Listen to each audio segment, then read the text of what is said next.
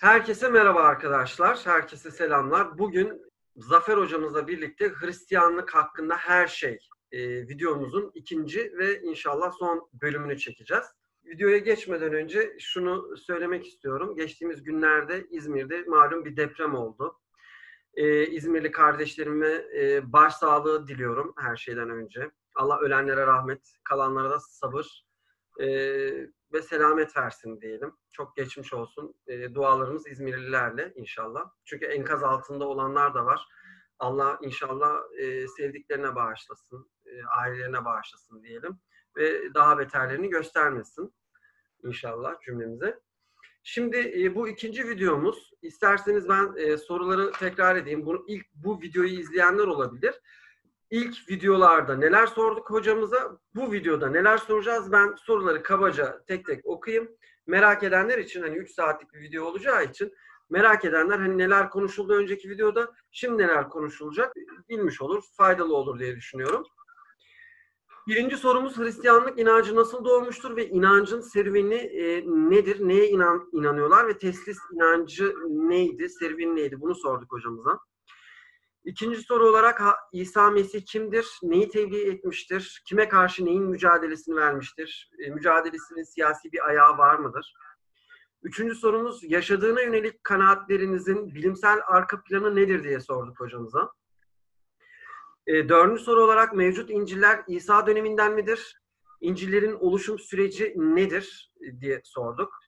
Beşinci soru olarak havariler kimlerdir? Kaç kişidir? En aktif rolleri kimler üstlenmiştir? Neyi tebliğ etmişlerdir? E, diye sorduk. Altıncı soru olarak Pavlus'u sorduk. Pavlus kimdir? Mektupları orijinal midir? Pavlus'la ilgili konuştuk. Yedinci soru Hristiyanlıkta e, kaç mezhep vardır ve bu mezhepler, e, bu mezhepleri birbirinden ayıran şeyler genel olarak neler e, şeklinde bir sorumuz oldu.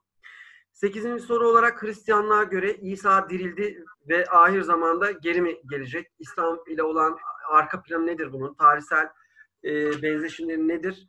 Ve Mesih ne demektir e, diye sorduk. Son soru olarak ilk videoda Hazreti İsa'ya Kur'an benzeri bir kitap verildi mi? şeklinde bir sorumuz olmuştu. Bu videoda da iki yeni soru ekledik. E, e, iki yeni soru ekledim. Çünkü çok önemli şeyleri pas geçtiğimi fark ettim. iki tane. Şimdi ilk soru olarak Kur'an'da e, Maide suresinin 47. ayetinde İncil sahipleri de Allah'ın onda indirdiği ile hükmetsinler şeklinde bir ifade var. Bunu nasıl anlamalıyız e, şeklinde soracağız. İkinci soru e, apokrif daha doğrusu 11. sorumuz toplamdaki 11. soru apokrif sayılan İncil'lerin tarihsel itibarı ve tutarlılığı ne ölçüde? 12. soru Hz. İsa'nın bebekken konuşması Kur'an'da geçiyor ama İncil'lerde yok. Bu kadar büyük bir olayın İncil'lerde bulunmamasının sebebi ne olabilir diye soracağız. Ee, üçüncü, 13. sorumuz Havari Yakup kimdir? Çok önemli bir e, şahsiyet Havari Yakup. Bunun tanınması e, gerekiyor. 14. sorumuz Kur'an'da Hristiyanlara Nasrani deniyor ve Nasraniler diye bir grubun varlığından da haberdarız. Ayrıca Edionikler diye bir grup var. Bunların e, itikat kardeşliği var mı? Bu iki grup hakkında e, bilgi rica edeceğiz hocamızdan. 15. sorumuz İnciller e, arasında çelişki var mı? 16. sorumuz mevcut İncil'lerde İsa'nın Tanrı olarak sunulduğunu e, sunulduğu yerler var mı?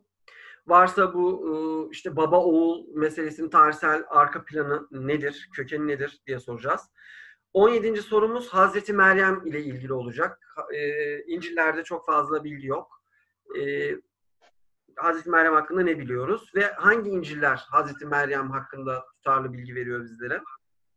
18. soru Hazreti İsa'nın çarmıha gerilip öldürülmediğine inanıyoruz Müslümanlar olarak. E, buna inanan, e, çarmıha gerilip öldürülmediğine inanan Hristiyan grupları var mı veya tarihte olmuş mu? 19. ve 20. soruları e, sonradan ekledim. İlk videoda duyurusunu yapmamıştım bunların. Sonradan aklıma geldi bunları pas geçtiğim. Vaftiz nedir? Vaftizin hikayesi, serüveni nedir? Arka planı nedir?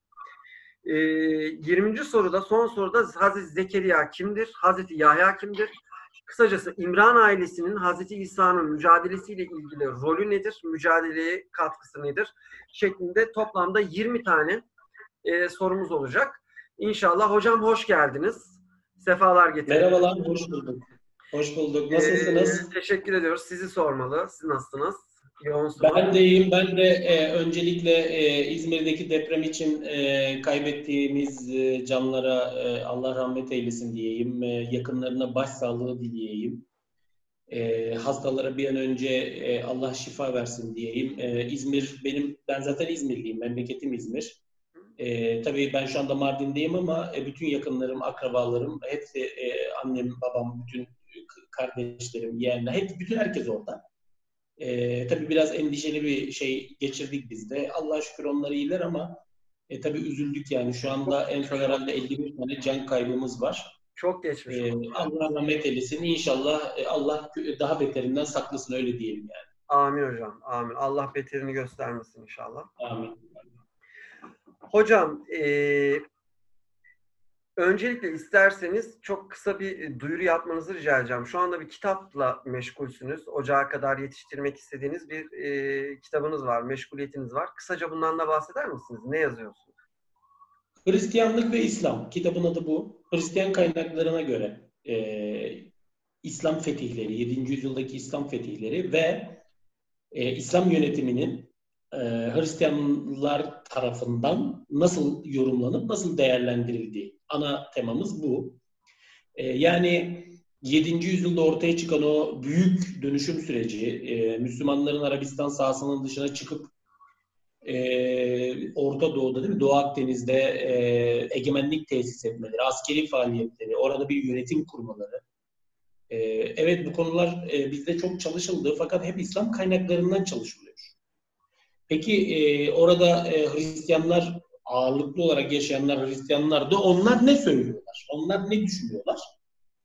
E, kitabın e, teması e, ana e, şeyi bu. Yani e, Hristiyanlar açısından İslam fetihleri ve e, Müslümanların e, yönetimleri. İlk etkileşimler aynı şekilde. Yani Müslümanlarla Hristiyanlar arasındaki ilk etkileşimler. Fakat e, burada temel e, şey Hristiyanların zaviyesinden, penceresinden meseleye bakıyoruz. E, İnşallah 2-3 aya kadar Allah'ınız kısmet ederse e, herhalde bitirmiş olacağım diye tahmin ediyorum. İnşallah hocam. Allah kolaylık versin. Çok özgün e, bir konu. İnşallah faydalı olur herkes için. Şimdi hocam ben birinci sorumuzla başlamak istiyorum. Şimdi Maide suresinin e, 47. ayetinde İncil sahipleri de ellerindeki İncil'lerle hükmetsinler şeklinde bir ayet var. Bu günümüze kadar aşağı yukarı tabi istisnalar var tarihte e, ama genel kabul gören bu ayetin tevili şu şekilde yapılmış. İncil'lerin içerisinde e, Hazreti Peygamberle ilgili, Hazreti Muhammed'le ilgili e, bazı müjdelerin bulunmasından dolayı Allah'ın burada ellerindekiyle hükmetsinler e, demesinin işte orada Hazreti Muhammed'in geleceği söyleniyor. İşte ona e, uysunlar deniyor bu ayette. Denmek isteniyor. Şimdi özellikle İncil'lerdeki Faraklit mevzusunun bu konuya işaret ettiğine yönelik de e, bilgiler var. Bir de mesela şu var. Eğer bu ayeti gerçekten günümüzde anlaşıldığı gibi bazı grupların anladığı gibi İncil'lerin korunmuşluğuna işaret ettiği ve e, Hristiyanların da e, bu İncil'lerden sorumlu olduğu, Müslüman olmaları gibi bir sorumluluklarının bulunmadığı ve kendi İncil'lerine uymaları Allah tarafından beklendiği propaganda ediliyor. Şimdi burada kısa bir şey yapmak istiyorum hocam. Şimdi e, İncil'lerin eğer bu şekilde anlaşılabiliyorsa İncil'lerde akla, mantığa ve fıtrata aykırı bazı şeyler var. Hristiyanların Allah tarafından buna yönlendirildiği bu sefer e, iddia edilmiş oluyor. Nedir bu? İşte kadın e, evliliklerde boşanmanın kesinlikle olmaması veya İncil'lerde bak, e, baktığımızda e, keşişliğin e, işte, tavsiye edilmesi, işte bekarlığın övülmesi gibi insan fıtratına, akla mantığa aykırı bazı mefhumlar var. Bu ayeti bu şekilde anladığımızda da böyle bir çelişkiye tosluyoruz. Yani İncil'in içerisinde ilahi olamayacağı çok açık ibareler var. Siz e, bu konuyu özellikle merak eden arkadaşlarım için de şunu belirteyim. Sonra sözü size bırakıyorum hocam. E, bu İncil'lerle, Hristiyanlıkla alakalı sayfamdaki 8. videomuz. İlk 6 video, arka arkaya videolar bunlar. İlk 6 videoda ben e, İncil metnini e, 4 İncil'de tamam tamamını akla mantığa ve fıtrata ve Kur'an'a aykırı olduğunu düşündüğüm yönleri tek tek okudum ve 6 video yaptım 50'şer dakikalık. Ve orada gösterdim bunların yaşanılabilir olmadığı, mantıkla e, ilişki kuramayacağımız şeyler olduğunu. Siz bu ayeti nasıl anlıyorsunuz? Nasıl anlamamız gerekiyor size göre? Ve bu faraklit mevzusu e, nedir hocam? E, baş şunu da duyurayım. Şimdi hocamızın tabii ki ilk izleyenler için söylüyorum bunu. Müktesebatı çok geniş. Yani herhangi bir soruyu burada sorduğumuzda hoca, hocamızdan 5 saat hani hiç şey araya girmeden cevap alabiliriz yani. Bu zaten videolarında bunu izliyoruz. Hocamızdan özellikle şunu rica ettik. Hani niçin teknik konulara çok fazla girilmedi diye soranlar olabilir. Akademisyenler izliyor vesaire. Hocamızdan özellikle rica ettiğimiz şey şu. E, ne çok fazla e, teknik konulara gireceğiz ne de çok fazla yüzeysel olacak. Biraz oradan biraz oradan hani genel olarak ortayı bulma arzumuz olduğu için böyle 15-20 dakika e, her bir soruya vakit ayırmasını rica ettik. O yüzden hocam buyurun söz sizde. Teşekkür ediyorum. Ee, şimdi e, bu çok zor bir soru. Yani Maide suresindeki ilgili ayetin e, bugün nasıl anlaşılması gerektiği, nasıl yorumlanması gerektiği. Tabii bu konuda birçok farklı görüş de var. E, bir kere her şeyden önce sorunuzun ikinci kısmından başlayayım. Yani e, hani İncil'ler tahrif edildi, edilmedi e, tartışması özelinde e, şey yapalım, e, konuşalım. E, ben e, hakikaten e, yani ha, bakıyorum şeye, bu konuda e, yazılanlara, çizilenlere, söylenenlere falan. Biz, e, benim kanaatim odur ki İncil'i bilmiyoruz. Yani İncil'i anlayamıyoruz. Ne olduğunu e, bir türlü şey yapamadık. E, bu işin içinden çıkamadık. E, bunun e, temel e, şeylerinden bir tanesi şu. E, şimdi e, insanlar e, yani e, bazı şeyleri karıştırıyorlar. Nasıl karıştırıyorlar? E, diyor ki ben Müslümanım, iyi bir Müslümanım e, veya işte kendine has, özgün düşünceleri olan bir müminim. E, dolayısıyla e, bu görüşler yani benim kendime has görüşlerim e, bu durumu izah edebilir. Ve e, Kur'an-ı Kerim'deki e, bazı ayetlere e, bir takım anlamlar yükleyerek ya da e, hakikaten doğru da olabilir yani yanlış demiyorum. E, oradan çıkarttıkları e, kendilerince bazı sonuçlarla işte e, 600 yıl, 700 yıl önceye gidip e, o sonuçları işte 700 yıl, 600 yıl önceki o tarihsel bağlam içerisinde e, konumlandırmak, bir zemin arayışı e, bu metodolojik olarak hatadır. Bir kere her şeyden önce bunu söyleyeyim. Birincisi bu. E, bu işi yapan arkadaşlar şuna bir karar vermeleri gerekiyor. Siz e, eğer müminseniz ve bir e, iman meselesi olarak bu işlere bakıyorsanız e, başımın üstünde yeri var. Fakat e, o zaman e, işin e, e, tarihsel ve bilimsel boyutuna girmeden e, fikirlerinizi beyan. Yani deyin ki ben bir Müslümanım, e, bakın e, burada böyle bir ifade geçiyor. Ben bu ifadeyi böyle anlıyorum. Bitti. Buna sonsuz saygı duyuyorum. E, fakat e, bir taraftan bunu derken öte taraftan e, erken dönem e, Hristiyanlık tarihinden e, olmayan şeyleri uydurmak, olan şeyleri dönüştürmek e, veya mevcut şeyleri sanki başka şeylermiş gibi anlatmaya çalışmak bunlar e, hakikaten olmuyor. Yani e, hangi açıdan olmuyor? Bir kere bilimsel anlamda hiçbir değeri yok e, ortaya atılan iddiaların. E, birincisi bunun adını koymak lazım. İkincisi mantık ve makul e, bir şey çerçevesi içerisine oturtamıyorsunuz. Bakın ben buradan çok net bir şey söyleyeyim. İnciller tahrif edilmiştir.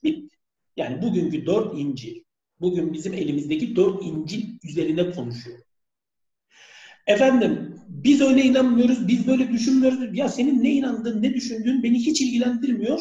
Ben bilimsel olarak bir şeyden bahsediyorum. Bugünkü İncil'ler tahrif edilmiştir. Bunu nereden biliyorsunuz? Bunu 300 senedir bilim dünyasında yapılan bilimsel araştırmalar çatır çatır ortaya koyuyorlar. Nasıl ortaya koyuyorlar? Sizin hiç haberiniz olmayan, hiç hayatınızda ilgilenmediğiniz, bakmadığınız bir takım disiplinlerle. Nedir bunlar? Metin kritiğinden tutun tarihsel kritik yöntemine kadar. Form kritiği yönteminden tutun redaksiyon kritiği yöntemine kadar. E, sinoptik problem diye bir disiplinden tutun bilmem literal kritik yöntemine kadar. Ne demek istiyorum? E ya arkadaşlar bu yöntemlerin hepsi şunu ortaya koyuyor. Bugünkü dört İncil tahrif edilmiştir. Bunlar tarihsel süreç içerisinde bir kere her şeyden önce şunu bilmek gerekiyor. Tarihsel süreç içerisinde birçok farklı el tarafından yazılmış metinler bunlar. Bakın Yuhanna İncil'i mesela örnek vereyim. Bugün araştırmacıların çok büyük bir kısmının kabul ettikleri hakikaten bu işin uzmanı olan, ciddi çalışan insanların kabul ettiği beş farklı elde elden yazılmış metinlerdir. Yani en az Yuhanna İncil'inin beş tane en az farklı dönemlerde yazarı var. Nereden biliyorsunuz? Ya gerçekten de hem metin kritiği hem literal kritik zaten içerisine baktığınız zaman bağlam özelinde de mesela 21. şey e, bu kısmın çok e, araştırmacıların şeyi budur yani. Sonradan eklenmiştir. Çünkü 20. ve 22. kısımları daha rahat e, birleştirme yanlış hatırlıyor olabilirim. 21. kısım diyorum ama muhtemelen o kısım mesela eklemedir. Marcos İncil'inin son kısmı eklemedir. Arkadaşlar yani nasıl tahrif oldu?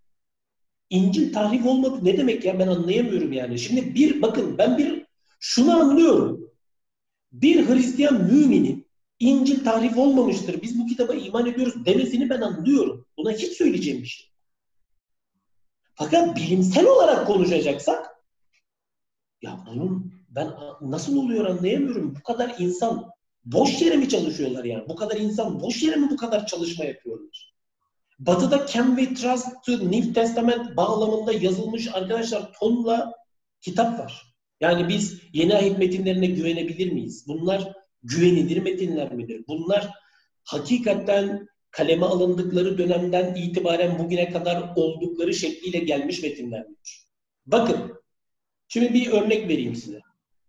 Tarihte Vulgata diye bir metin var. Vulgata. Bu Latince standart yeni ahit metindir. Dinleyenlere lütfen istirham ediyorum. Beni iyi dinlesinler. Tabi yeni İncil'lerin biz hangi dilde e, kalem alındıklarını iyi kötü biliyoruz. Bunlar Yunanca yazılılar. Fakat çok kısa bir süre sonra farklı dillere tercüme edilmeye başlandılar. İşte bunun içerisinde Süryanice vardır. Bunun içerisinde Latince vardır. Başka diller vardır. Mesela e, Latince tercümeler, bir sürü Latince tercüme e, şey var. E, İncil metni var. Şeyde 3. 4. 5. 6. yüzyıllarda. Yani Hristiyanlık yayıldıkça e, bu tercümelerin, e, tercüme nüshaların sayıları da artıyor, şey yapıyor. Sonra Papa, dönemin papası Gelasius, e, yine dönemin çok önemli bir e, Hristiyan din adamı Hieronymus'u çağırıyor. Yani diyor ki Hieronymus, ya diyor bu İncil'lerin arasında tonla çelişki var. Yani şu nüshaya bakıyorsun diyor, böyle bir şey var. Bu nüshaya bakıyorsun, böyle bir şey var. Şu nüshaya bak. Bize diyor standart bir metin hazırla. Yani şu çelişkileri giderip. Bize diyor standart bir Latince e, metin hazırla ki insanların diyor kafası karışmasın yani. Adam kötü niyetli de değil yani. iyi niyetli olarak söylüyorum. Ve e, Hieronymus bir metin ortaya koyuyor ki Vulgata deniyor buna. Vulgata metninin e, hepsi Hieronymus'a ait değil. Bir kısmı ona ait. Geri kalan kısmı daha sonraki dönemlerde yapılmış. Şimdi bu ne söylüyor? Bakın ne anlıyoruz Yahu Papa diyor ki Papa, Gelasius diyor ki İncil'lerin arasında çelişkiler var diyor. Bu bile bugün de değil. Bundan 1600 sene öncesinden bahsediyor. Şimdi Papa bunu söylerken daha o günkü koşullar. Origenes bak isim isim de söylüyorum size. Origenes İncil'ler tahrif edilmiş metinlerdir diyor. Hristiyanlığın en önemli antik çağdaki geçerli en önemli şeylerinden bir tanesidir bu. Ve diyor ki Kaçıncı yüzyıla bu tahrifatın Kaçıncı yüzyıla geliyor? Üçüncü yüzyıl Origenes. Peki hocam burada şöyle bir e, çelişki... Çok özür diliyorum. Çok özür diliyorum. Bakın. Origenes diyor ki ve biz diyor bu tahrifatı biz diyor bu çelişkileri müstensihlerin hatasıyla açıklayamayız diyor. Bu kadar basit değil diyor yani. Çok daha ciddi boyutta diyor bu şeyler var. Şimdi aynı şeyi Augustinus söylüyor. Hippo psikoposundan bahsediyorum. 430'da ölmüş Hristiyanlığın en büyük, en önemli şeylerinden bir tanesi. Evet bunlar diyorlar ki bu çelişkileri literal almayalım. Bakın bunun sebebi şu. Bu e, bahsettiğim Origenes gibi, Augustinus gibi insanlar çünkü özellikle pagan e, yazarlardan İncil metinlerine çok ciddi eleştiriler var. Yani çelişki babında, e, tahrifat babında bunlar Celsus gibi, Porfirios gibi, İmparator Julianus gibi daha birçok isim var. E, yeni ayet İncil metinlerini okumuşlar. Çeşitli eleştiriler getiriyorlar. Hristiyanlar da bakıyorlar. Yani hakikaten yapacak bir şey yok yani. Şimdi e, siz İsa'nın e, soy kütüğüyle ilgili olarak Matta ve Luka İncil'lerinde verilen şeyleri e, şey yapamıyorsunuz. Bir kere tarihsel anlamda şeyle uyuşmuyor. İkincisi birbirleriyle uyuşmuyorlar. İsa'nın çarmıha gerilişi meselesiyle ilgili anlatılarda birçok farklılıklar var. Ya arkadaşlar nasıl ben anlayamıyorum yani nasıl tahrif olmamış? Ya hangisi doğru? Matta'daki mi doğru, şeydeki mi doğru, Luka'daki mi? Ayetin Ama ikisi de doğru. İkisi de doğru olmuyor. Olamıyor. Yani bunlar çok açık, çok aleni, çok basit şeyler yani. Şimdi yeni yani Hristiyanlığın kendi en büyük ilahiyatçıları bile bunu bu şekilde şey yapıyorken ya bugün çıkıp da İncil tarif olmamıştır bilmem ne. Ya arkadaş bir mümin sıfatıyla bunu söyleyenlere saygım sonsuz ama bu ama ayeti değil. referans veriyorlar hocam. Kur'an ayetini mesela e, bahsettiğimiz Maide Geleceğim. Geleceğim şimdi oraya işte. Şimdi son olarak söylüyorum arkadaşlar. De, bu hocam. Mesela şey, Faraklit'e de getirelim konuyu. Çünkü Faraklit meselesi çok dönüyor. Yani hani Faraklit gerçekten e, Hz. Muhammed anlamına mı geliyor? İncil'lerde Faraklit var mı? Nedir bu mesele? Buraya da biraz parmak basarsanız.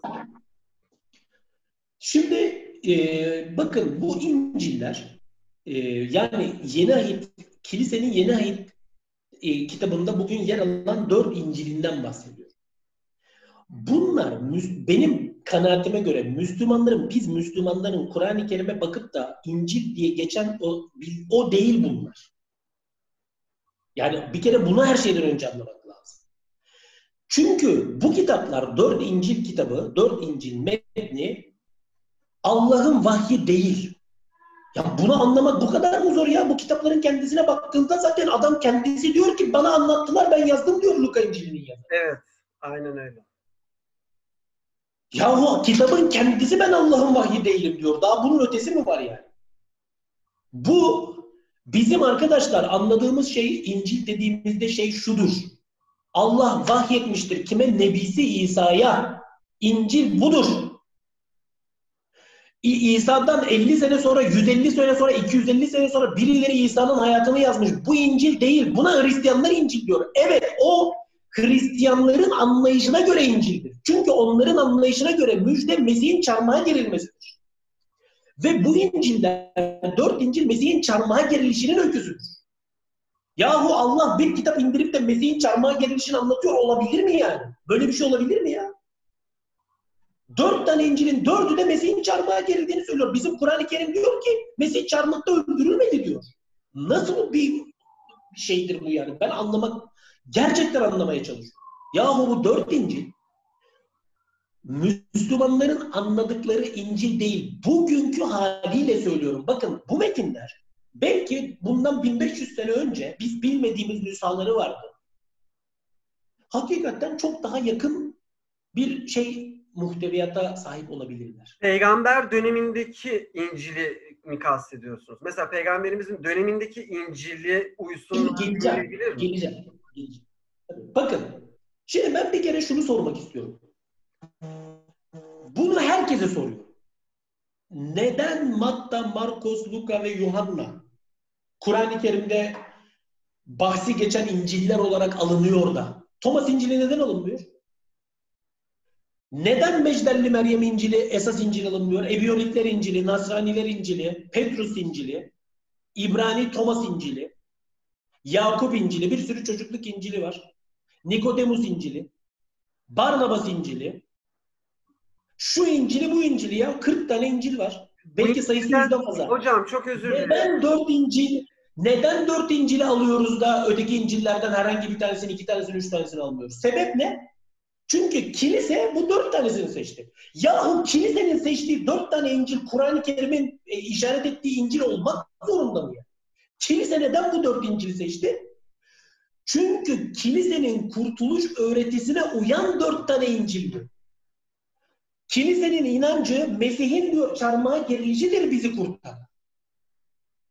Biz insanlık ailesi diyor bu sayede günahtan kurtulduk. Bunu hangi İncil'ler kanıtlıyorsa onu esas alıyor.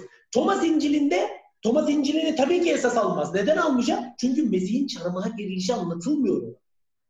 Ya da Hristiyanların anladığı gibi kurtuluş formülizasyonu söz konusu. Arkadaşlar bu Pavlus doktrinidir ve Pavlus İncil'lerin ilk satırından itibaren bizim karşımızdadır ama ismen geçmez.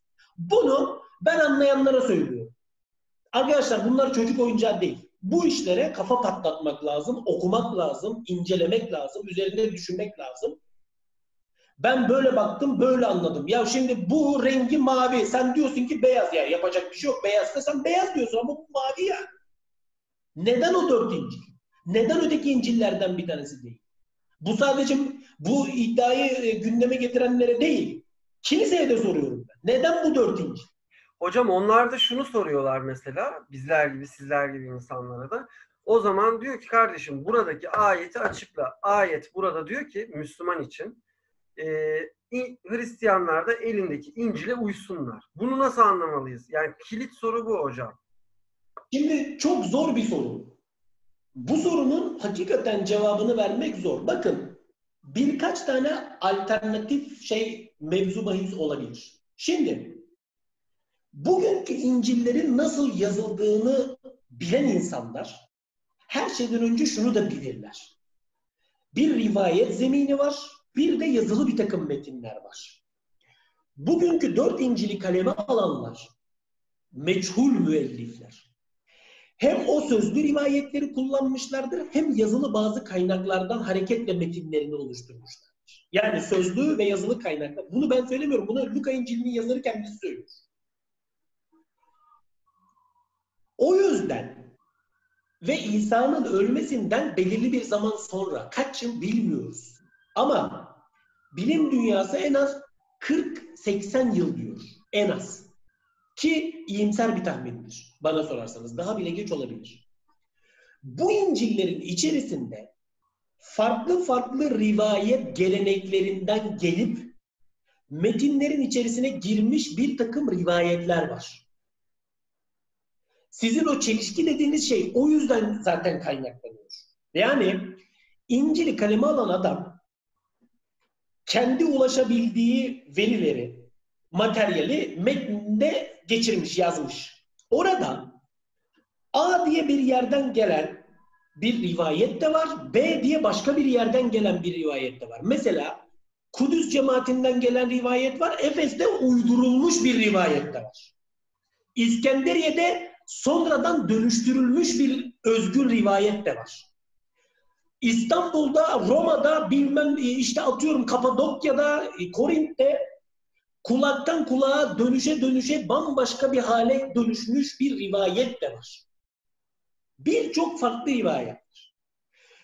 Dolayısıyla baktığınız zaman bugünkü dört İncil'e hakikaten bu e, İncil'lerin içerisinde özgün gerçekten de Hazreti İsa'nın ağzından çıkmış olması çok çok muhtemel ifadeler var, pasajlar var.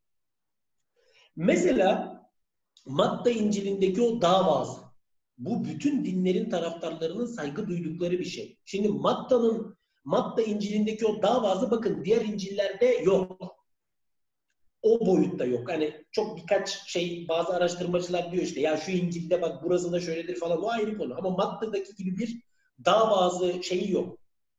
Yahut mesela özellikle Markos İncil'inde geçen bir takım ifadeler bu ifadeler e, gerçekten de Hazreti İsa'nın veya diğer Matta'da da var, Luka'da da var. Hatta ve hatta bana sorarsanız Yuhanna İncil'inde bile çok var. Ki Yuhanna en son İncil'dir. İsa'yı tamamen tanrılaştıran bir İncil'dir. Nasıl ben anlamıyorum nasıl tahrif olmamış yani. E o zaman İsa'nın tanrı olduğuna şey yapmak lazım. Yani bu da işin imani boyutu özelinde konuşuyorum yani. Zaten bilimsel olarak ortada yani şey. Ee, Son şimdi dakika hocam.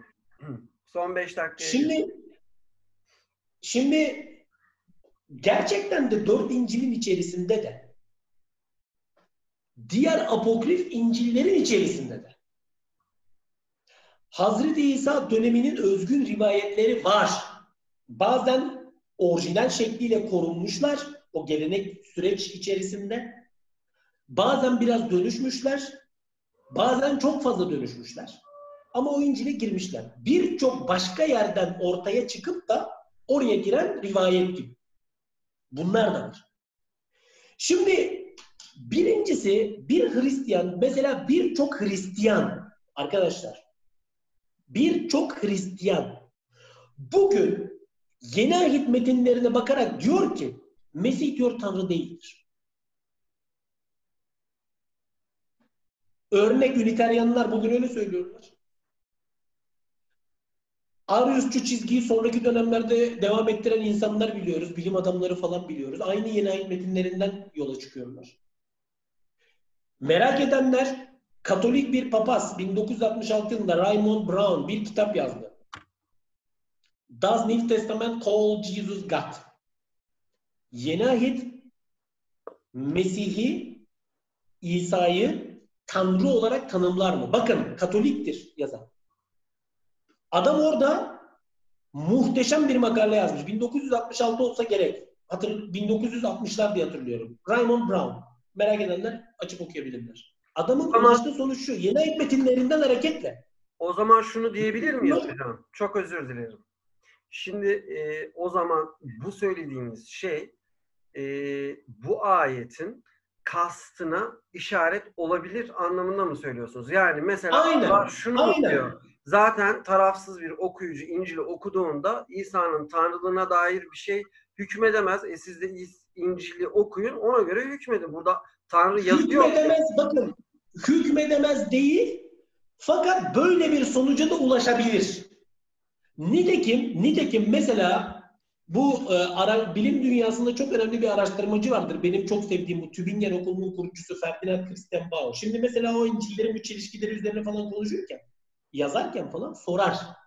Şimdi mesela Markos İncil'inde çok daha beşer boyutu veya sinoptik İncil'lerde ilk üç İncil'de Matta, Markos, Luka'da beşer boyutu ağır basmış birçok şey var.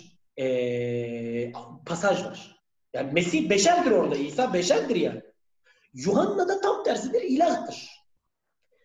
Çünkü çünkü buradan bilmeyenlere bir kez daha söyleyeyim. Çünkü Sinoptik İncil'lerde bir beşer tanrılaşır süreç içerisinde. Yuhanna da bir tanrı beşer olarak yeryüzüne gelir. İkisinin arasındaki temel fark budur. İki, Sinoptik İncil'lerle Yuhanna İncil'inin şuurlarındaki anlatımın arka planı budur. Birisi beşer olanın nasıl tanrılaştırıldığını anlatmak ister. O yüzden beşer rivayetler çoktur. Öteki bir tanrının nasıl e, beşer hale gel. Zaten öyle başlar İncil. İşte başlangıçta söz vardı, söz tanrıyla beraberdi, değil mi? Tanrıydı, söz tanrıydı. Logos doktrininden bahseder. Bu tabi bunlar çok başka şeyler. Yani çok ayrı tartışmalar. Fakat Christian Bauer Ferdinand şunu sorar. Neden diyor hep e, sinoptiklerle Yuhanna arasında bir çelişki olduğunda?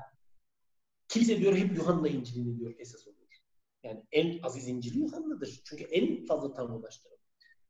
Şimdi demek ki buradan ne sonuç çıkıyor? Bakın bu anlatımdan ne sonuç çıkıyor? Birincisi yeni ahit metinlerini okuyan birisi dahi yani tarafsız gözlü okuyan birisi dahi evet Mesih'in ilahlığına onun tanrısal bir varlık olduğuna, bir tanrı olduğuna veya işte beşer üstü bir varlık olduğuna dair orada pasajlar bulabilir.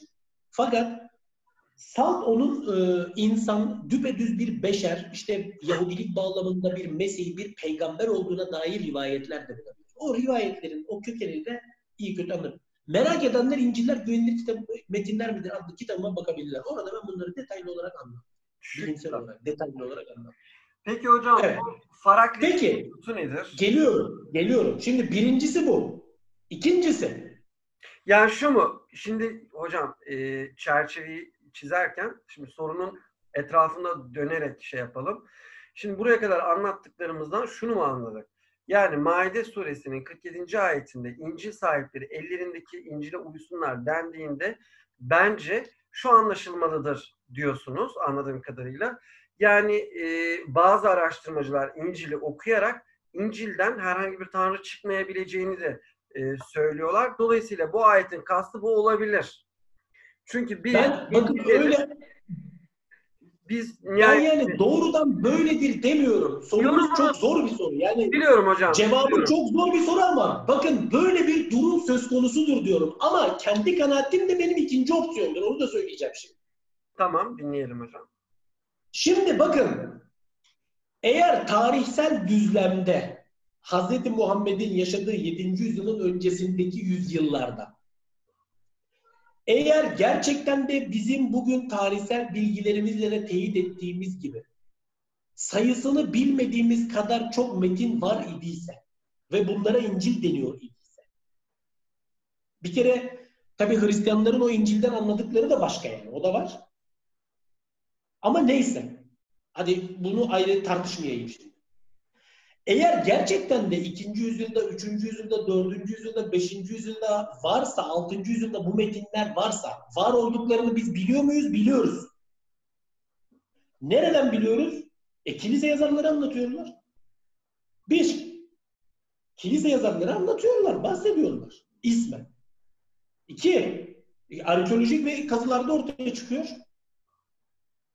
İşte Nakamadi'de 1945'te çıkanlar gibi, Akmin'de 1934'te çıkanlar gibi. Bir sürü yerde İncil'ler çıkıyor ortaya. Üç.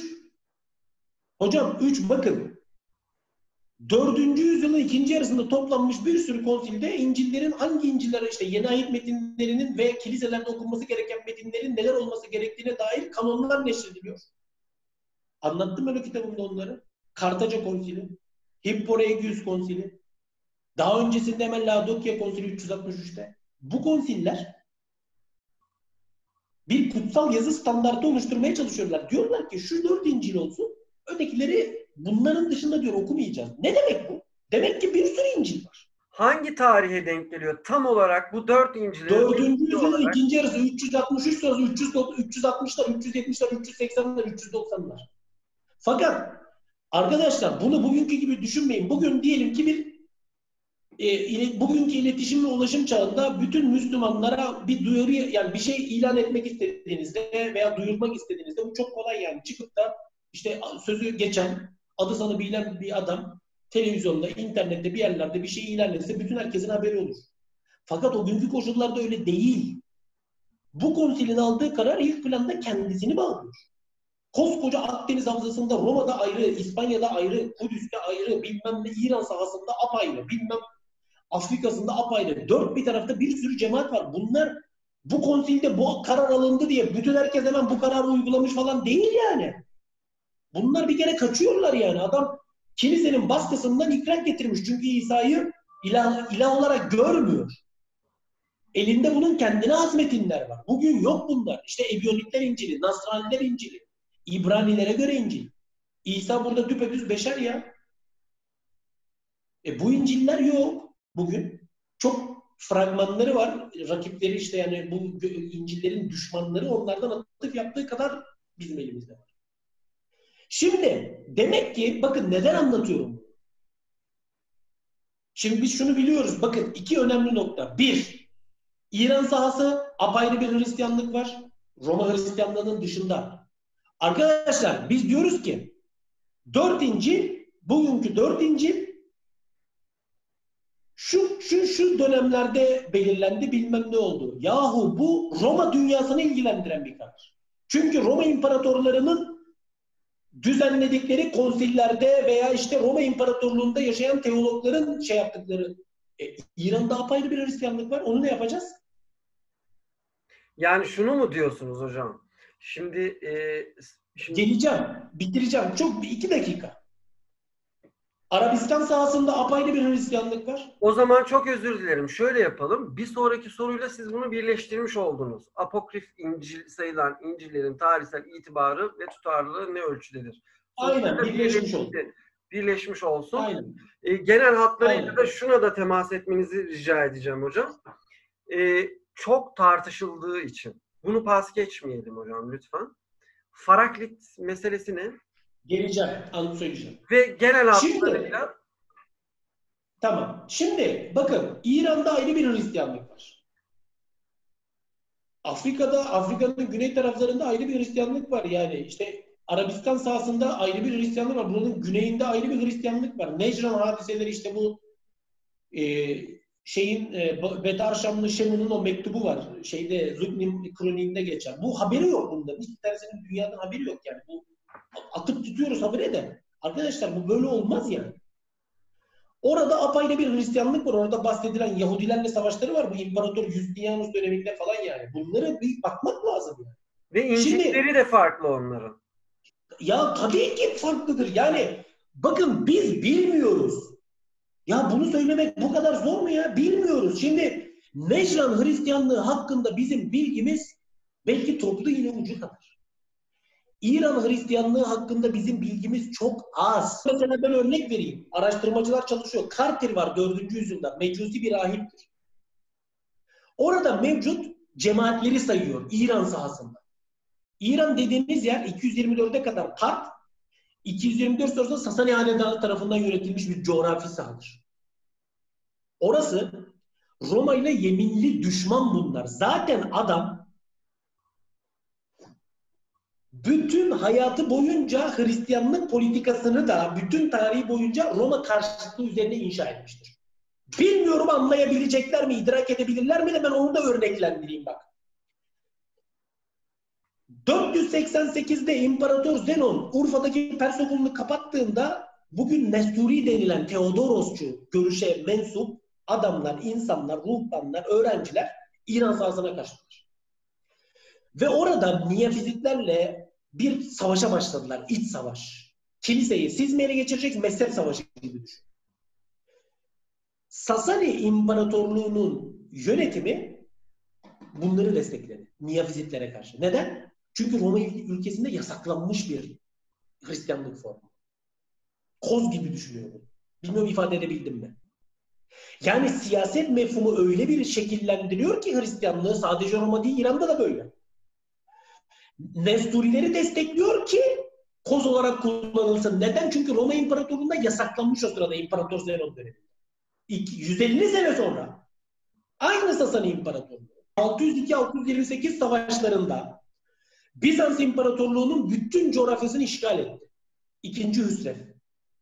Maurikios, Fokas, Herakleios da Bizans İmparatorluğu. O coğrafyada öyle bir dini siyaset geliştirdiler ve e, takip ettiler ki kendi ülkelerindeki Hristiyanlık politikasının tam tersi. Kendi ülkesinde Nesturileri desteklerken Bizans ülkesinde Miyafizitleri destekledi. Kime karşı? Melkitlere yani hükümet kral yanlısı yani Kadıköy konsilyanlılarına karşı. Neden? Çünkü adamın derdi Hristiyanların içerisinde Roma karşıtlarını bulmak ve bunları kendi tarafına çekmek. Koz olarak kullanmak. Hristiyanlığın şekillenişi böyledir. Şimdi bu bağlamda siz eğer teslisçi mesela örnek veriyorum size. Teslisçi bir Hristiyanlık anlayışı Roma dünyasında egemen bir pozisyona yükselmişse bilin ki Sasani dünyasında Sasani hükümeti bu Hristiyanlığın dışında bir formdaki başka bir Hristiyanlığı destekler. Ve nitekim Carter'in biz o 4. yüzyıldaki Mecusi şeyin metinlerine baktığımızda hala bilim dünyası çözemiyor. Adam orada İran'daki mevcut dini grupları sayarken diyor ki Hristiyanlar var bir de Nasraniye, Nasraniler diye başka bir grup var. Bakın. Hocam dikkat. Hristiyanları bir grup saymıyor. Hristiyanlar diye bir grup var bir de başka bir grup var. Üstüne üstlük 1966'da bu Paynes'in İsrailli bilim adamının yayınladığı bir makale var. O makalede yayınladığı onun bir metindir aslında orada. Bu e, sanıyorum Kadı Abdülcabbar'ın e, şeyinden bir metin. E, onun kanaati şudur. İran sahasında diyor Nasranilerle ve Ebiyonitlerle ilişkili Mesih'in tanrılığını reddeden çok geniş bir kitle e, şeye kadar yaşadı diyor. E, e, oradaki o Doğu Kilisesi'nin yani Nasturi tabir edilen o kilisenin e, şeyi altında varlığını korudu. Bunlar kimdi? Bunlar diyor Mesih'in beşer olduğuna inanıyor.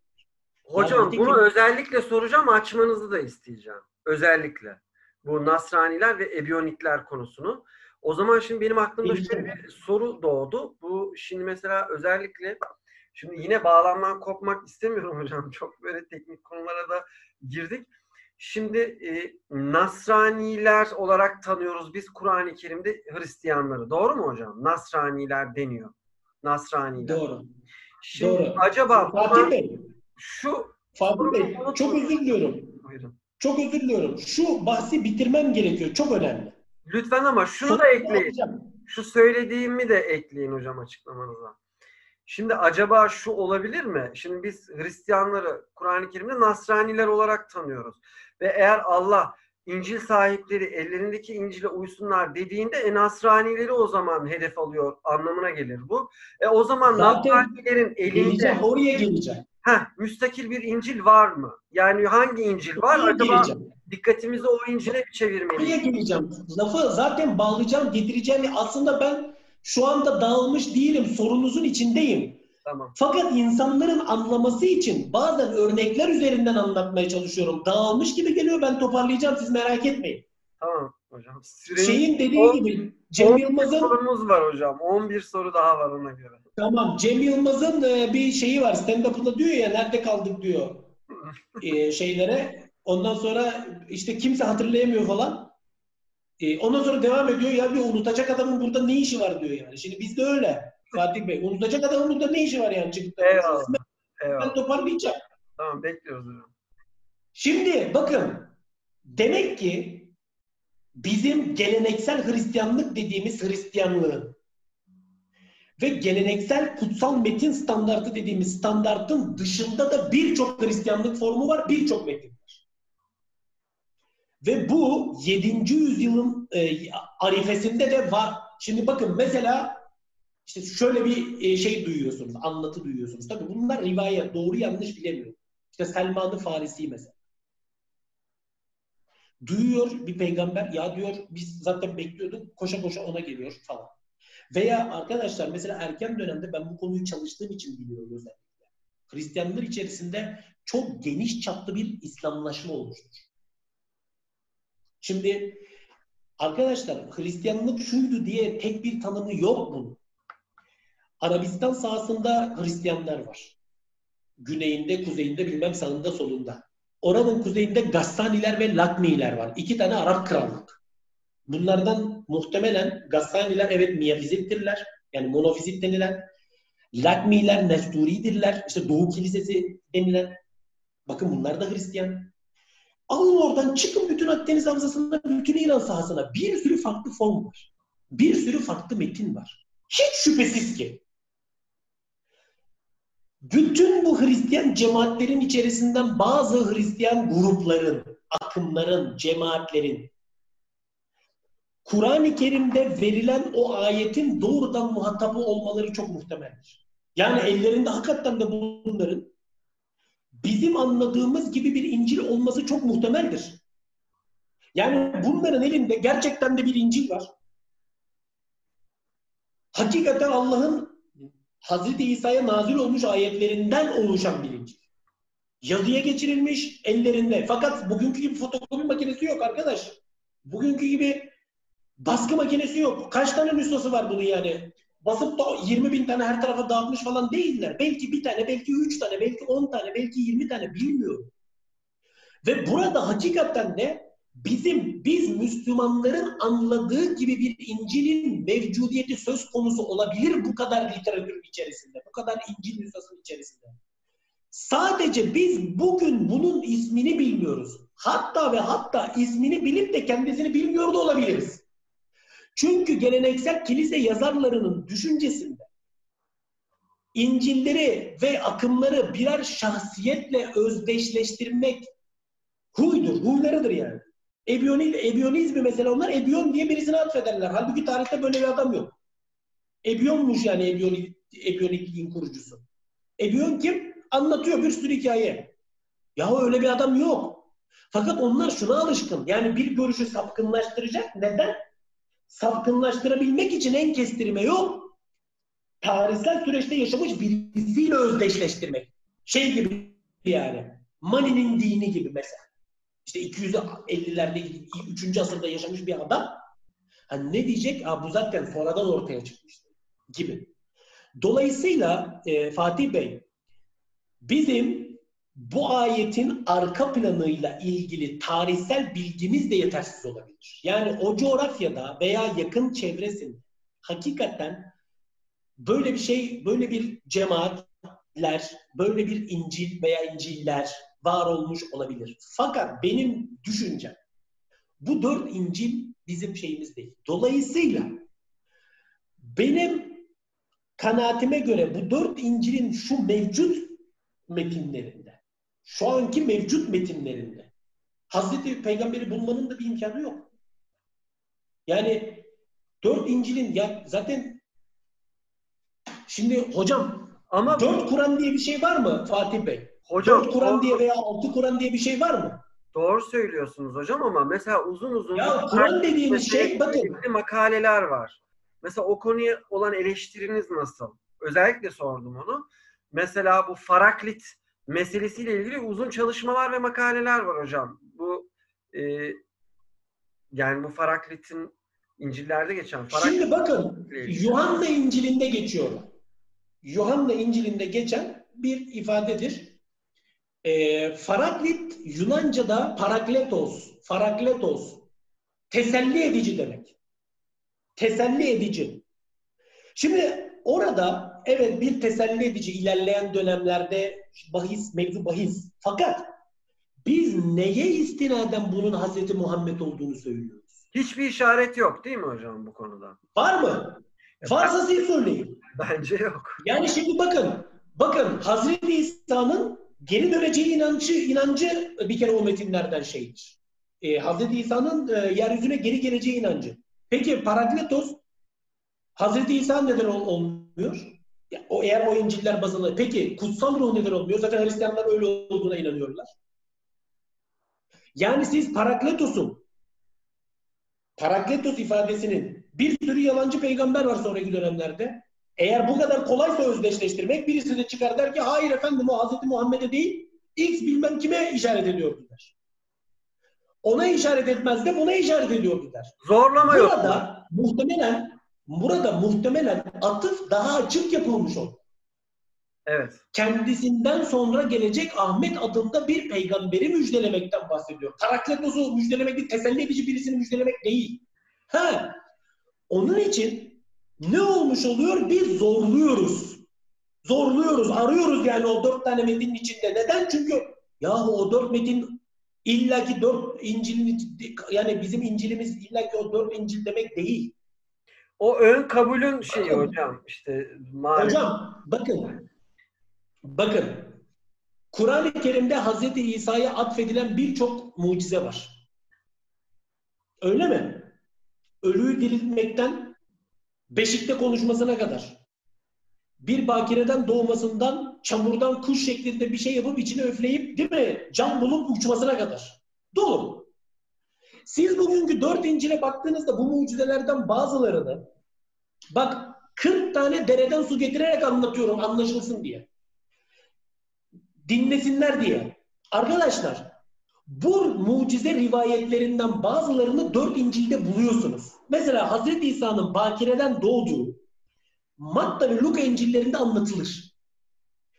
Mesela Hazreti İsa'nın ölüyü dirilttiği anlatılır. İşte 5000 kişiyi doyurduğu anlatılır bazı rivayetler. Fakat öyle bazı mucize rivayetleri de vardır ki dört İncil metninde yoktur. Ya nerede vardır? İncil ismini taşıyan sizin apokrif ifadesiyle tanımladığınız hepimizin öteki İncil'lerde var. Şimdi burada hocam bir es veriyorum ve şunu soruyorum. Şimdi buraya kadar anladıklarımızı toparlıyorum ve şu anda geçtiğiniz konuya temas edip orada Son açıyorum. bir, müsaade edin son bir cümle kuracağım. İki sorunuzu da tamamlamış oluyorum. Son bir cümle. Demek ki demek ki İncil'lerde geçen bazı rivayetleri bazı anlatıları özür diliyorum Kur'an-ı Kerim'de geçen bazı ayetlerdeki bazı pasajlardaki bazı hadiseleri anlatıları tarihsel bağlamda dört İncil'de değil dört İncil'in dışındaki başka metinlerde de bulabiliyormuşuz. Bakın çamurdan kuş şeklinde bir şey yapıp üfürüp uçması çocukluk İncil'lerinde var. Dört İncil'de yok. Beşikteyken konuşması Kur'an-ı Kerim'deki rivayetlerden hareket ediyorum. Dört İncil'de yok. Kurtarıcının Arapça çocukluk İncil'i diye bir metin var. Orada demek ki sizin aradığınız Kur'an-ı Kerim'den hareketle aradığınız bütün soruların cevapları dört İncil'de yok. Demek ki erken Hristiyan literatüründe dağılmış bir biçimde var. Çünkü rivayetler ve gelenekler dağılmış. Zaten anlamadığımız şey bu. Sonra bir takım yazarlar bu rivayetlerin hepsine ulaşabildikleri kadar almışlar kendi metinlerine. Bu yüzden de çok geniş bir bağlamda bunlar var. Çok geniş. Dört İncil de bunların içerisinde vardır ama dışında da birçok metin vardır. O yüzden, o yüzden son cümle. O yüzden hem bahsettiğiniz ayetin hem de birçok başka Kur'an-ı Kerim'deki ayetin tarihsel zeminini, bağlamını, hakikatini mutlaka dört İncil'de bulacağız diye bir, şey yok. Başka yerlerde bulmuş, bulma ihtimalimiz de var. Bulamıyor isek bile bu ilerleyen dönemde kazılarla, başka çalışmalarla bunların bulunamayacağı anlamına da gelmiyor. Bunu da e, ifade ederek sanırım iki sorunuzu birden böyle toparlamış oldum. Ağzınıza sağlık hocam. Yani gerçekten finali çok e, şey açık, anlaşılır e, yaptınız. Şimdi hocam bu benim şahsen Hristiyanlıkla alakalı e, en merak ettiğim şey. Biraz ucundan değindiniz ama bunu açmanızı istiyorum. Ben hep şunu merak etmişimdir. E, şimdi Kur'an-ı Kerim'de Hazreti İsa'nın bebekken konuştuğu meselesi var. Bebekken e, konuştu ve e, bazı şeyler söyledi. Peygamberliğini söyledi, kul olduğunu söyledi vesaire. E, mevcut ayetler zaten biliniyor. Şimdi bu büyük bir mucize. Yani bir bebeğin konuşması çok ciddi bir mucize. Büyük bir mucize. Bu bir mucize. Peki hocam yani İncil'lere baktığımızda Hristiyanların zaten Hazreti İsa'yı A'dan Z'ye sadece mucize temelli bir sunumla karşımıza çıkarttıklarını görüyoruz. Yani nasihatlerinden ziyade onun mucizeleri temalı bir e, şey teolojisi var Hristiyanlığın. Bu kadar büyük bir olay yani Hazreti İsa'nın daha e, doğar doğmaz konuşarak dünyaya seslenmesi, mesajını iletmesi meselesi e, Hristiyanlarda niçin örtbas edildi, ört, örtbas mı edildi? Yani bu tabii ki Hristiyanlarda böyle bir bilgi yok, böyle bir inanç da yok. Bu bilgi be, bebekken konuşması meselesi sizin e, biraz evvel bahsettiğiniz gibi farklı İncil'lerde anladığım kadarıyla var. Size göre çok fazla hani tekniğe kaymadan e, size göre yani ne olmuş olabilir? Bu mucize nasıl e, örtbas edilmiş olabilir veya neden örtbas edilmiş olabilir? Şimdi örtbas edilme yok. Ee, ne var? Ee, şey var, bilmeme var. Şimdi e, Fatih Bey, Hristiyanlık, geleneksel Hristiyanlığın İsa ile ne kadar bağlantılı bir din olduğu zaten çok tartışmalı bir konu. Bu tartışmayı gündeme getiren ilk defa ben değilim. Batı dünyasında bu 300-500 senedir konuşulan, tartışılan bir konu. Hazreti İsa nerede? Geleneksel Hristiyanlık nerede? Şimdi Hazreti İsa'nın yaşamını kim ne kadar biliyor? Ee, bir laf var, şeyin e, Bart Ehrman'ın bir ifadesidir. Hristiyanlık diyor, İsa'nın tebliğ ettiği din değil, İsa hakkında bir din. Yani Mesih hakkında bir din. Yani insanlar 2. 3. 4. 5. yüzyıllarda kafalarında arkaya bakıp da geçmişe bakıp da Mesih'te ne görmüşlerse Hristiyanlık dediğimiz şey bu. Biz Hazreti İsa'nın nitekim metinlere de baktığımızda erken dönemde Hristiyan metinlerine de baktığımızda bu metinlerin yazarları Hazreti İsa'yı ne kadar tanıyorlar? Şimdi Üstadım düşünün. O günkü koşullarda Filistin'de yaşamış bir Yahudi vaiz var. İşte bir peygamber figürü, bir Mesih figürü. Siz de 80 sene sonra onun hakkında bir şeyler yazacaksınız veya 180 sene sonra. Ne nasıl yazacaksın bunu? İki tane yolun var. Bir anlatılanları dinleyeceksin. İki varsa yazılı metin onlara şey yapacaksın. Yani senin bilgi dağarcığın Hazreti İsa'ya dair senin bilgi dağarcığın ulaşabildiğin kaynaklarla sınırlıdır. Bu bir. İki, bu bilgilerin ne kadar sağlıklı olduğu da tartışılır. Çünkü sana anlatanların ne kadar bildikleri tartışılır. Kulaktan kulağa, kulaktan kulağa. Üç, mesajın özgün haliyle ne kadar muhafaza edildiği de anlaşılır. Ya arkadaş bunların anlamış, anlaşılmayacak bir şey yok ki anlattığımda. Gayet açık yani. Bu böyledir yani. Bu arkadaşlar bütün dinlerin kadarı budur ya. Yani bu sadece Hristiyanlık için değil arkadaşlar. Bakın ilahi dinler böyle bir ifade zaten yanlış. İlahi dinler diye bir şey var mı ya? İlahi din diye bir şey var. Kime göre? Kur'an-ı Kerim'e göre. İlahi din nedir? Bütün peygamberlerin ilk peygamberden son peygambere kadar tebliğ ettikleri dinin adıdır. Eğer Kur'an-ı Kerim'in bu perspektifinden ya da İslam'ın bu düsturundan hareketle bakarsanız Musa, İsa, Muhammed, Adem, İdris, Nuh, Salih, İbrahim, Lut, Yahya, Zekeriya aklınıza kim geliyorsa hepsi aynı şeyi tebliğ etmiş. Özü itibariyle. Evet, şeriat, şerri hükümler noktasında bazı değişimler söz konusu olabilir. Bu ayrı konu. Özü, tevhid. Bu noktada bütün hepsinin tebliğ ettiği şey aynı. Ama siz her peygamberin sonrasına baktığınızda işin içerisine hep başka şeyler giriyor. Siyaset giriyor. Maddi çıkar beklentileri giriyor. Güç, nüfus talepleri giriyor. İslam tarihine baktığınızda Emevileri görüyorsunuz işte bakın. O ayrı bir konu. Şimdi bütün bu mefhumların arasından sıyrılıp siz o tarihsel şahsiyetin kendisine gitmek zorundasınız. Bunu ben hangi yüzyılın bilinciyle söylüyorum? 21. yüzyılın. Peki 2. yüzyılda yaşamış bir adam bu bilinçle mi bakıyor geçmişe? Hayır.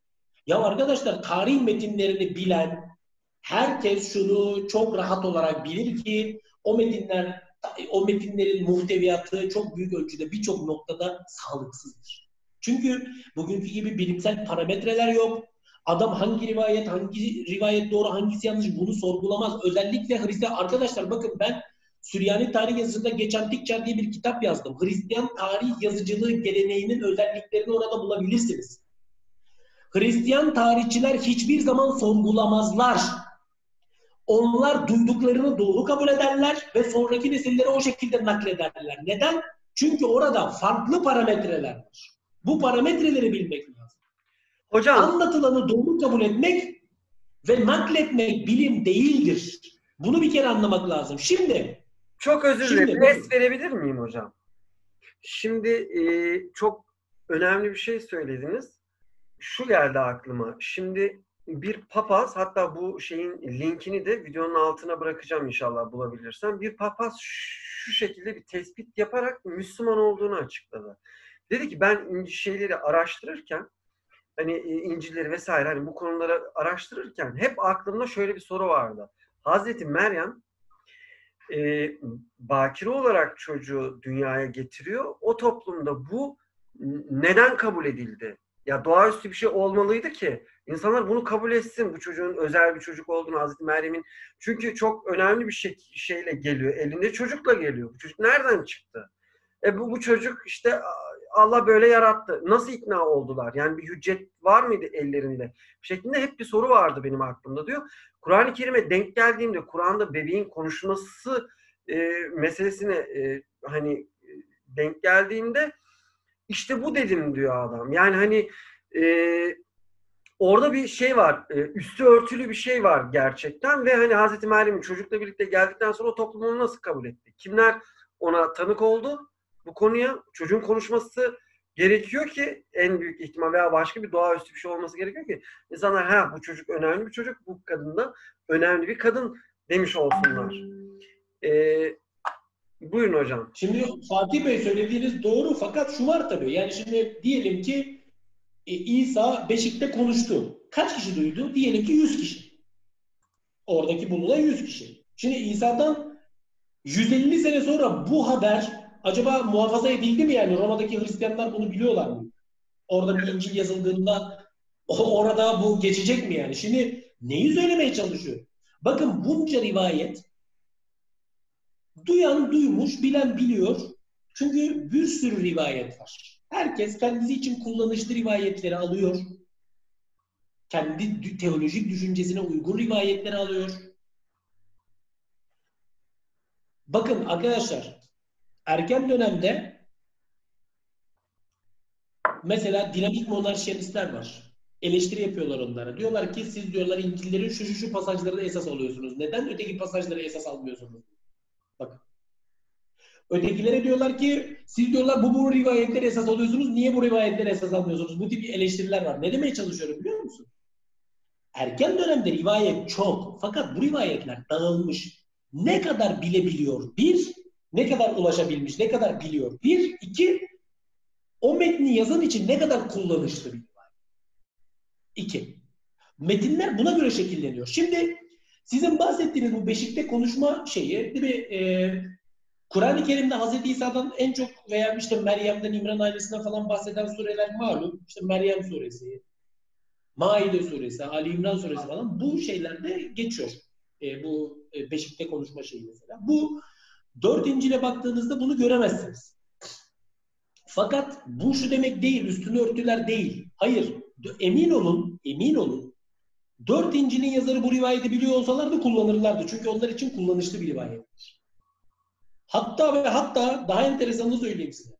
Mesela Markos İncil'inin yazarı, Markos İncil'inin başlangıcı e, İsa'nın e, bakireden doğumundan başlamaz. Matta ve Luka böyle başlar. Markos İncil'inin başlangıcında İsa bakireden doğdu gibi bir şey. Neden? Cevabı çok basit. Bu İncil'in yazarı o rivayeti bilmiyor. İlk İncil'dir o yani. Bilse mutlaka kullanır. Çünkü işine gelecek tarzda bir rivayettir. Bakireden doğum İsa'nın ilandığı iddiasını destekleyecek tarzda bir muhteviyatı itibariyle kullanabilecek bir argümandır. Ama bilmiyor. Bilmediği için almamış. Ama Matta ve Luka'nın yazarları zaten Marcos'u kaynak olarak kullanmışlardır. Başka kaynakları da. Oradan alıyorlar o şey. Belki Q'dan. Belki başka yerden. Bilmiyoruz. Dolayısıyla çocukluk kurtarıcının Arapça çocukluk İncili diye bir İncil var.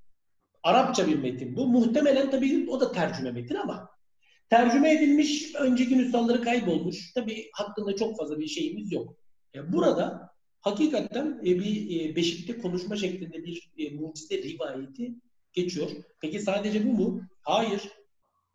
Mesela bu e, çamurdan kuş şeklinde bir şey yapıp değil mi? İçine üflüyor, uçuyor. Bu da mesela Kur'an-ı Kerim'de verilen bir e, şeydir. Hazreti İsa hakkında. Ama dört İncil'in yazarı bunu da bilmezler. Yok.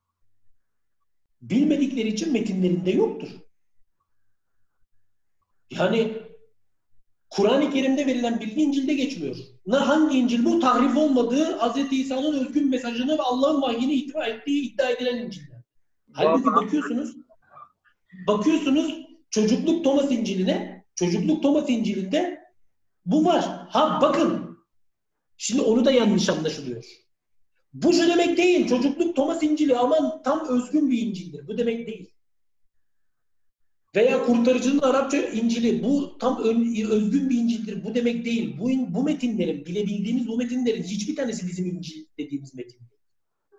Hepsi yazılışı, kaleme alınışı itibariyle benzer bir şeye sahip. Bir takım yazarlar inandıkları tarzda bir İsa'nın resmini betimleyebilmek için metinler yazmışlar. O metinlere de ulaşabildikleri bilgileri almışlar. İstedikleri şekilde bazen kullanıp değiştirerek. Bakın bu da var. Redaksiyon kritiği, sinoptik problem. İnciller güvenilir metinler bir kitabıma baksınlar. Çünkü kendi in, İncil yazarlarının ellerindeki rivayetleri de de- değiştirmeleri söz konusu. Yani bir İncil yazarı elindeki rivayete de müdahalede bulunuyor. Olduğu gibi nakletmiyor. Nereden biliyorsun? Okusunlar, öğrensinler. Evet. Bunu da ben söylemedim ha. İlk yazan ben değilim yani onu da söyleyeyim. Eyvallah hocam. Dolayısıyla bu sorunuza da bu şekilde e, uzatmadan şeyi vermiş olalım. Teşekkür ederim. Hocam çok merak ettiğim bir şeydi gerçekten benim. Peki bu kurtarıcının e, çocukluk İncil'i Türkçe çevrili mi? Bunlar çevirileri var mı? Ee, sanıyorum çevrili değil. Şeyin e, merak edenler bu İncil, apokrif İncil'leri merak edenler e, bizim e, şeyde hmm, İbrahim Sarıkçıoğlu hocanın bir tercüme kitabı var. Kimin ee, Kimin dediniz duyamadım. İbrahim şey e, Ekrem Sarıkçıoğlu hocamız. E, Ekrem Sarıkçıoğlu hocamız Allah uzun ömürler versin. Onun e, bir kitabı var Diğer İnciller diye. Bazılarını yani bazı apokrif İncil'lerin bazılarının tercümeleri orada var. E, çok daha fazlası e, Batı'da e, bazı çalışmalarda mesela Bart Ehrman'ın işte bir Alman e, Şen, Şen Melker miydi? E, adını tam şey telaffuz yani doğru hatırlayamıyor olabilirim. Onun mesela şey falan. Bu apokrif metinlerin e, şeyleri var. Bir de apokrif derken sadece İncil'ler de apokrif değil onu da söyleyeyim. Şimdi Elçilerin İşleri kitabı diye bir kitap var mesela Havariler Onun da bir sürü apokrif var. Yani Elçilerin İşleri çağını Elçilerin İşleri kitabından çok farklı anlatan birçok metin var. Ama diyorlar ki bu doğrudur, ötekiler yanlış. Da. Kriter ne? Biz. Bilemiyoruz da beri gelsin. Eyvallah hocam. Biz öyle inanıyoruz yani. Kriter bu. Evet. Peki ona saygı duyuyoruz yani. Öyle bir şey yok. Ama mevzu bahis bilim ise biz inanıyoruz diye bir şey söz konusu değil yani. Eyvallah hocam. Şimdi hocam e, ilk bölümde biraz adını geçirmiştik ama bunu yine e, biraz açmayı hak ettiğine inanıyorum bu tarihsel şahsiyetin. Havari Yakup hocam. Havari Yakup'la alakalı e, onun önemli bir figür olduğu, cemaatin başında olduğu, işte Adil Yakup diye e, isimlendirildiği ki böyle bir sıfatı alabilmesi için bir hüküm vermesi, bir şeyleri yönetmesi de gerekiyor. E, Yakup kimdir hocam? Bizim e, İslam tarihindeki e, Hazreti Ömer figürüyle çok benzeşen. Zaten değil mi? Adil yani. Adil evet. adaletiyle şey. Hem otoriter böyle çok sert bir şeyi de var. Ee, İsa'nın kardeşi olduğu rivayet ediliyor. Ee, bu e, Yakup kardeşlerin ismi e, arasında ismi zikrediliyor. Fakat ona inanmıyor yani İncil metinlerindeki şeyde. Sonra birdenbire e, Yeni Ahit'te e, şeyde Elçilerin İşleri kitabında e, cemaatin lideri olarak karşımıza çıkıyor. Yani bu adam kim? Nereden inandı? Nasıl iman etti? Nasıl cemaatin lideri oldu? Hiçbir bilgi yok. Zaten çok çok enteresan bir biçimde İsa'nın havarileri arasında da ismi zikrediliyor. Dışlanmış. sebebi dışlanmış. Nasıl? Yani bir, bir sebepten dışlanmış olsa gerek. Bunun bunun sebebi şudur. Yeni ayetin yazarları özellikle Pavlus ve Pavlusçu yazarlar. Kim bunlar? Pavlusçu yazarlar derken birincisi dört İncil'in yazarları, ikincisi Luka, Elçilerin İşleri kitabının yazarı. Bunlar hepsi Pavlusçu yazarlardır. Size onu söyleyeyim. Ee, bunlar Yakup iki sebep var. Birincisi Yakup'un ismini özellikle Luka ve Pavlus Yakup'un ismini tarihten silmek isterler. Üstünü örtmek isterler. Çünkü Pavlus'un en büyük düşmanı. İki, hayatıyla, yaşamıyla ilgili, şeyle ilgili rivayetlere az ulaşabilmiştir İncil yazarları. Neden? Çünkü bu adam Kudüs'te Kudüs merkezli cemaatin e, yöneticisi. Kudüs merkezli cemaati e, çekip çeviren, bu cemaati şey yapan, idare eden, otoritesi altında birleştirmiş bir adam. E, Hz. İsa'nın e, yaşamı sırasında işte ismi lütfen zikrediliyor. Elçilerin İşleri kitabında 3-4 defa ismi geçiyor. Fakat hiçbir zaman derin bir anlatı yok. Kişilik analizi yok. Neye inanırdı, ne düşünürdü, ne yapardı yok. Sadece işte e, birkaç şeyde işte Havariler Konsili bahsi. Ondan sonra e, Pavlus'un e, Kudüs'e en son dönüşü falan. Mesela bu tip şeyde onun işte Yakup'un evinde bir toplantı anlatısı var. Bu gibi bir takım 3-4 tane hadisede ismi zikrediliyor. 62 yılında şehit edilmiştir. Şehit edilişi dahi anlatılmaz şeyde. E, bu arkadaşlar e, Pavlus'un e, bana sorarsanız zaten e, Pavlus'un bu Şam vizyonu şeyi öncesindeki büyük düşmanıdır. Şam vizyonu biliyorsunuz Pavlus işte e, İsa'ya iman edip e, onun elçisi olarak seçiliyor. Yakup zaten bu vizyonu anlatısının öncesindeki dönemde Pavlus'un büyük düşmanıdır yani. E, Yakup en büyük düşmanıdır. Çünkü İsa cemaatinin lideri. E, fakat e, şeyden sonra e, yani bu Şam vizyonundan sonra tabii e, Hristiyan kilise geleneği bunların işte hep beraber e, ortak bir ülke etrafında birleştikleri ve Mesih'in öğretilerini hep beraber neşrettikleri, teşmil ettikleri, yaydıkları tezini kabul ediyorlar. Tabii ben onu da kabul etmiyorum. Yani böyle düşünmüyorum. Bana göre Yakup ondan sonra da e, aslında Pavlus hiçbir zaman hiçbir iddiası yönünden kabul etmemişti. Niye kabul etsin Bir kere yani şöyle düşünün. Yani şimdi Hazreti Ebu Bekir, Hazreti Ömer falan Hazreti Peygamber'in dizinin dibinde öğrenmişler onun öğretilerini. Yaşamı sırasında onun derslerine katılmışlar yani. Hazreti Peygamber'in dizinin dibinde bulunmuşlar. Onun cemaatinde, onun meclisinde bulunmuşlar. Öğrenmişler. Sonra bir gün birisi çıkıp geliyor bilmem nereden. Bir de düşmanları yani. Diyor ki hayır o öyle değildir, böyledir. O öyle değildir, böyledir. Onlar da oturuyorlar, bununla pazarlık yapıyorlar yani. Havariler konseyinde falan oturmuş, pazarlık yapmış. Efendim şeriat daha öyle değilmiş de aslında böyleymiş. Bak Cornelius'un evinde de Petrus böyle bir şey görmüş. Ya böyle bir şey yok. Yakup veya Petrus bunlar ciddi adamlar ya. Bunları yani nasıl böyle bir gölge figürlere çevirdi bu yeni ayet metinleri. Yani bunlar son derece ciddi. Dinin şeyin falan ne olduğunu falan bilen adamlar bunlar ya. Yahudiler ya. Bunlar Mesih'in öğretilerini ne diye Pavlus'la veya ilk herhangi başka birisiyle yani Pavlus ismi de önemli. Neyin pazarlığını yapacaklar? Antalya'dan bazı kardeşler gelecek. Orada diyecekler ki siz sünnet edilmedikten sonra işte bilmem ne yapamazsınız. Doğru yolda ulaşamazsınız. Bunlar oradan toplanıp işte Barnabas'la sözüm ona. Barnabas'ın da falan da bir şeyi yok ha. Onu da söyleyeyim. Barnabas tamamen bir meşrulaştırma kılıfıdır Pavlus devresi Tıpkı Petrus ve Yuhanna gibi elçilerin işte kitabının başkası. Çünkü hep onlardan bahseder. Şimdi oradan gidecekler Yakup'a diyecekler ki e, madem bu anlaşmazlıklar var Kudüs'te bir konsil düzenleyelim. E, orada işte bir meclis toplanacak. O mecliste Mesih'in öğretilerini pazarlık edecekler. Ya arka böyle bir şey olabilir mi ya? Bu Yakup'u falan biz ne sanıyoruz yani? Yakup, bu Petrus, bu Yuhanna bunlar son derece ciddi. Hazreti İsa'nın sahabesi bunlar ya. Yakınında bulunan ondan öğrenmişler. Şimdi adam neyin pazarlığını yapacak Pavlus'la veya ilk herhangi başka birisiyle? Şimdi Pavlus dedik mi orada kızıyorlar. Tamam hadi Pavlus olmasın başka birisi olsun. İsa ne söylediyse bunlar için geçerli olan o. Yahu Petrus'un ifadeleri var. Ben diyor geceleri hıfz ederim diyor şeyi. Ha başka metinlerde bu. Kilisenin metinlerinde değil. İsa'dan diyor duyduklarımı efendimden diyor yani öğretmenimden diyor. Duyduklarımı hıfz ederim diyor.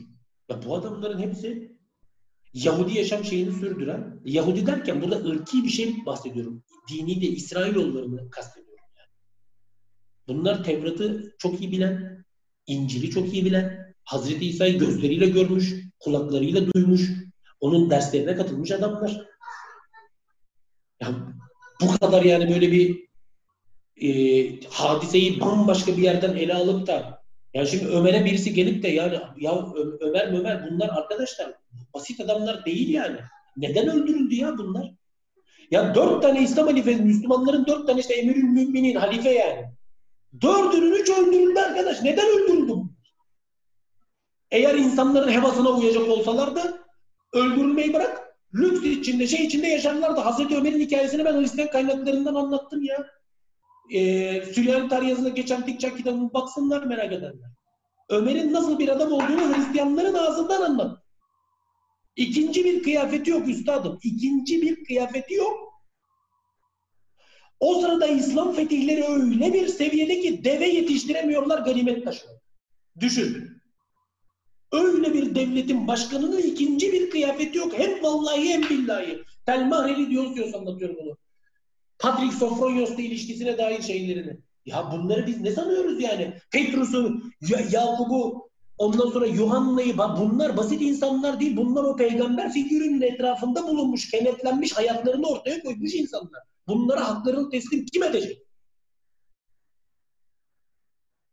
yani bu ölmüş 20 sene sonra birisi çıkıp geliyor ya öyle değildi böyleydi. Evet e, Kudüs'te bir konsil toplayıp konuşuyor. Böyle bir şey yok. Böyle bir şey yok. Ya bu mantıken kabul edilebilir bir şey değil. Şöyle bir şey mi o oldu halde, acaba hocam? Yani o halde bakın nasıl?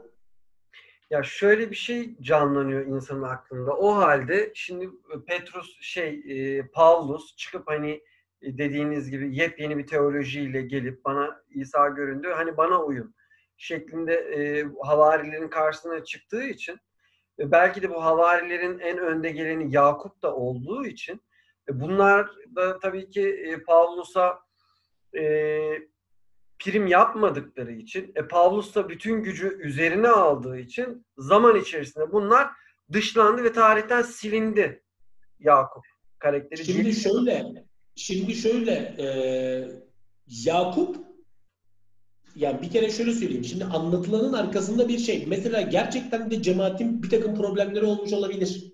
Yani sünnet meselesi hakikaten mesela bir problem teşkil etmiş olabilir. Bunlar toplanıp bu konuda bir şeyler konuşmuş olabilirler. Bu, bu gayet anlaşılabilir bir şey. Yani. Fakat bu Mesih'in öğretileri ya şu konuda şöyle değildi de aslında böyleydi.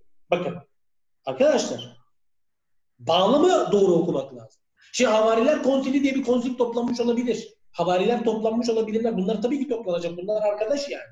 Bunlar tabii ki bir araya gelecek. Ha, Pavlus'un oradaki rolü nedir yani? Bana sorarsan katılmışsa bile o toplantıya sıranın en arkasında falan oturmuştur yani. En arka rütbede. Ve hiçbir sözü hakkı falan da yoktur yani. Ne konuşacak yani orada? Ha, orada toplanmış ve cemaatin bir takım problemlerini gündeme getirmiş, bunları tartışmış, bunları konuşmuş olabilirler. Bu ayrı konu. Fakat bu ya aslında bu böyle değilmiş bakın. Neden söylüyorum bunu? Çünkü hatırlayın bakın e, arkadaşlar o açın okuyun Elçilerin İşleri kitabında mesela Cornelius'un evinde yaşanan bir şey var. Cornelius'un evinde Petrus'a rivayete göre bir mucize şey yapılıyor. Gökten bir sofra iniyor falan filan detaylara girmeyeyim. Orada birdenbire Petrus şunu anlıyor. İsa'dan sonraki dönemden bahsediyor. Bak. Petrus birden neyi anlıyor? İsa'nın baş varisi. Ya diyor aslında Yahudilerle Yahudi olmayanlar arasındaki ayrılık ortadan kalkmış. Bu İsa'dan bu bilmiyordu. İsa'dan böyle bir şey duymamıştı. Nerede duydu bunu? Cornelius'un evinde. Sonra gidiyor. Arkadaşlar anlatan ben değilim ya. Luka anlatıyor. Elçilerin İşleri kitabını açın bakın. Oradan gidiyor havari arkadaşlarına. Onlar da anlıyorlar ki hakikaten de bu böyleymiş. Ya bunlar aptal mı ya? Hazreti İsa'nın yaşamı sırasında bunların bunlardan haberi yoktu da ölümünden sonra mı öğrenmeye başladı? Çünkü burada mesele bir hazırlık aşamasıdır. Pavlus'u tarih sahnesine sürecek Luka. Bunu anlamak lazım. Bu metinleri doğru okumayı bilmek lazım. Ne oluyor? Birdenbire öyle bir havari silüeti bizim karşımıza çıkıyor ki aslında onlar da Yahudilerle Yahudi olmayanlar arasındaki ayrılığın ortadan kalktığı kanaatini dile getirmeye başlıyorlar. Ve mesele buradan şey neşrüne alıyor. Şimdi Yakup'un ve Petrus'un siz sonraki dönemdeki elçilerin işleri kitabında Yakup'la ilgili sonraki anlatılara bakıyorsunuz. Yo. Bunlar düpedüz Yahudi yasasına bağlı yaşamaya devam ediyorlar. Merak edenler açsınlar Luka'nın Elçilerin İşleri kitabındaki o Pavlus'un dönüşünü şeyini e, son dönüşündeki o Yakup'un evindeki toplantıya baksınlar. Pavlus'a diyor ki Yakup yahu diyor burada binlerce diyor inanlı var. İman etmiş adam hepsi diyor yasanın diyor canından savunucusudur. E ne oldu hani kaldırılmıştı yasa? Cornelius'un evinde e, şey e, e, Kudüs konsilinde bilmem nerede. Hala neden e, Yakup yok? Metinlerde çünkü o cemaatin lideri Yakup. Bunlar şeriata tabiler. Bunlar Tevrat'ı kabul ediyorlar. Tevrat'a tabiler. Pavlus'u en iyi anlayan adamlar ise bir sonraki yüzyılda Markion'dur bana sorarsan Tevrat'ı tamamen reddetmiştir yani. Yahudi de peygamberlerini tamamen reddetmiştir. Bunlar ayrı konular. Buralara girmeyeyim. Evet. Peki söylemeye, söylemeye çalıştığım şey ne? Yakup neden yok? İşte bu sebeple. Ha 62 yılında şehit edilmiştir onu bile anlatmaz. Biz bunu Flavius Josephus'tan öğreniyoruz. Sebebi nedir? Ee, Yahudilerin artık İsa'ya iman etmeyen Yahudilerin üzerinde bile çok önemli bir otoritesi var Yakup'un anladığımız kadarıyla. Bu sebeple Yakup aslında erken cemaatin en önemli birkaç isminden bir tanesidir. Yakup, Petrus, Yuhanna topluluğun direkleri olduğunu Pavlus bile kendi ağzıyla söyler. Bunlar erken cemaatin en önemli üç unsurudur. Ama hiçbir tanesi yeni ahit metinlerinde bizim karşımıza gerçekte oldukları şekilde çıkmazlar. Zaten kendilerine atfedilen Yakup mektubu istisna olabilir. Yakup yani yeni ahitteki Yakup isimli metin Pavlusçu teolojiye birebir karşıdır. Merak edenler açıp okusunlar. Fakat Petrus'a atfedilen, Yuhanna'ya atfedilen metinlerin hiçbir tanesi onlar tarafından yazılmamıştır. Buna da itiraz ediyorlar. Arkadaşlar yani bilimsel çalışmaları falan bir kenara bırakın. Wikipedia'ya Allah aşkına yazın. Wikipedia'da bile ilk cümlede göreceksiniz zaten. Bunların Petrus'la falan, Yuhanna'yla falan alakası yok bu metinlerin. Ee, sorunuzu bu şekilde cevaplamış oldum. Teşekkür ederim hocam. Çok sağ olun. Şimdi biraz üstünden geçtiniz hocam ama yeterli mi sizce ya da e, biraz daha açalım mı? Çünkü müstakil bir şey e, soruydu bu. Kur'an'da Hristiyanlara Nasrani deniyor. Nasraniler kimler, neye inanıyorlar, ne biliyoruz Nasraniler hakkında? Ve e, Ebiyoniklerle itikat kardeşliği, birlikteliği var mı bunların? Sorumuz bu hocam. Yani erken Hristiyan tarihinde Nasranilik diye bir olgu var. E, Nasıra'ya atfen kullanılan bir ifade. E, şimdi biz yeni ayet metinlerine baktığımızda e, yeni ahitte e, mesela İncil'lerde e, yahut Pavlus'un mektuplarında Hristiyanlık diye bir tabir geçmiyor. Bunu bilmiyorum biliyor muydunuz Fatih Bey? Biliyorum hocam. Hristiyanlık yok. Pavlus'tan sonra çıkıyor galiba.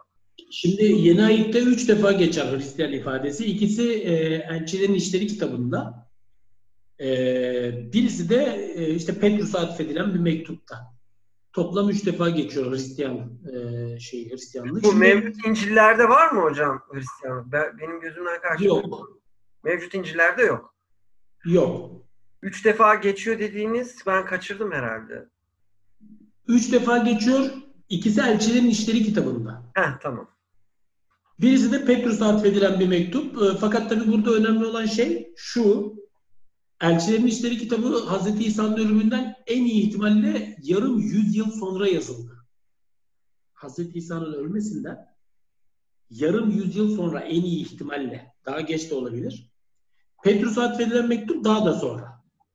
Onun yazarını biz bilmiyoruz. Petrus ismini taşıyor ama e, iki defa orada geçiyor. Şimdi nereden ne şey yapıyoruz? Şimdi Hz. İsa'nın yaşamı sırasında e, Hristiyanlık diye bir ifade yok. Ölümünün hemen sonrasında da yok. Bunu nereden biliyoruz? Ee, ölümünden e, muhtemelen e, 25-30 yıl sonra Hz. İsa'nın ölümünden 25-30 yıl sonra işte e, bu Pavlus'u dönemin e, Romalı prokuratoru e, şeydeki falisi diyelim yani e, bölgedeki onun huzurunda suçluyorlar. Yani diyorlar ki bu diyorlar işte bütün e, dünyanın dört bir tarafında e, Nasraniler tarikatının diyor işte şey çıkartan, problem çıkartan, sorun çıkartan Nasraniler tarikatının elebaşılarından biridir. Şimdi Nasraniler deniyor yani. Ve Yahudilik bünyesinde bir e, fırka gibi, bir hareket gibi e, algılanıyor dışarıda.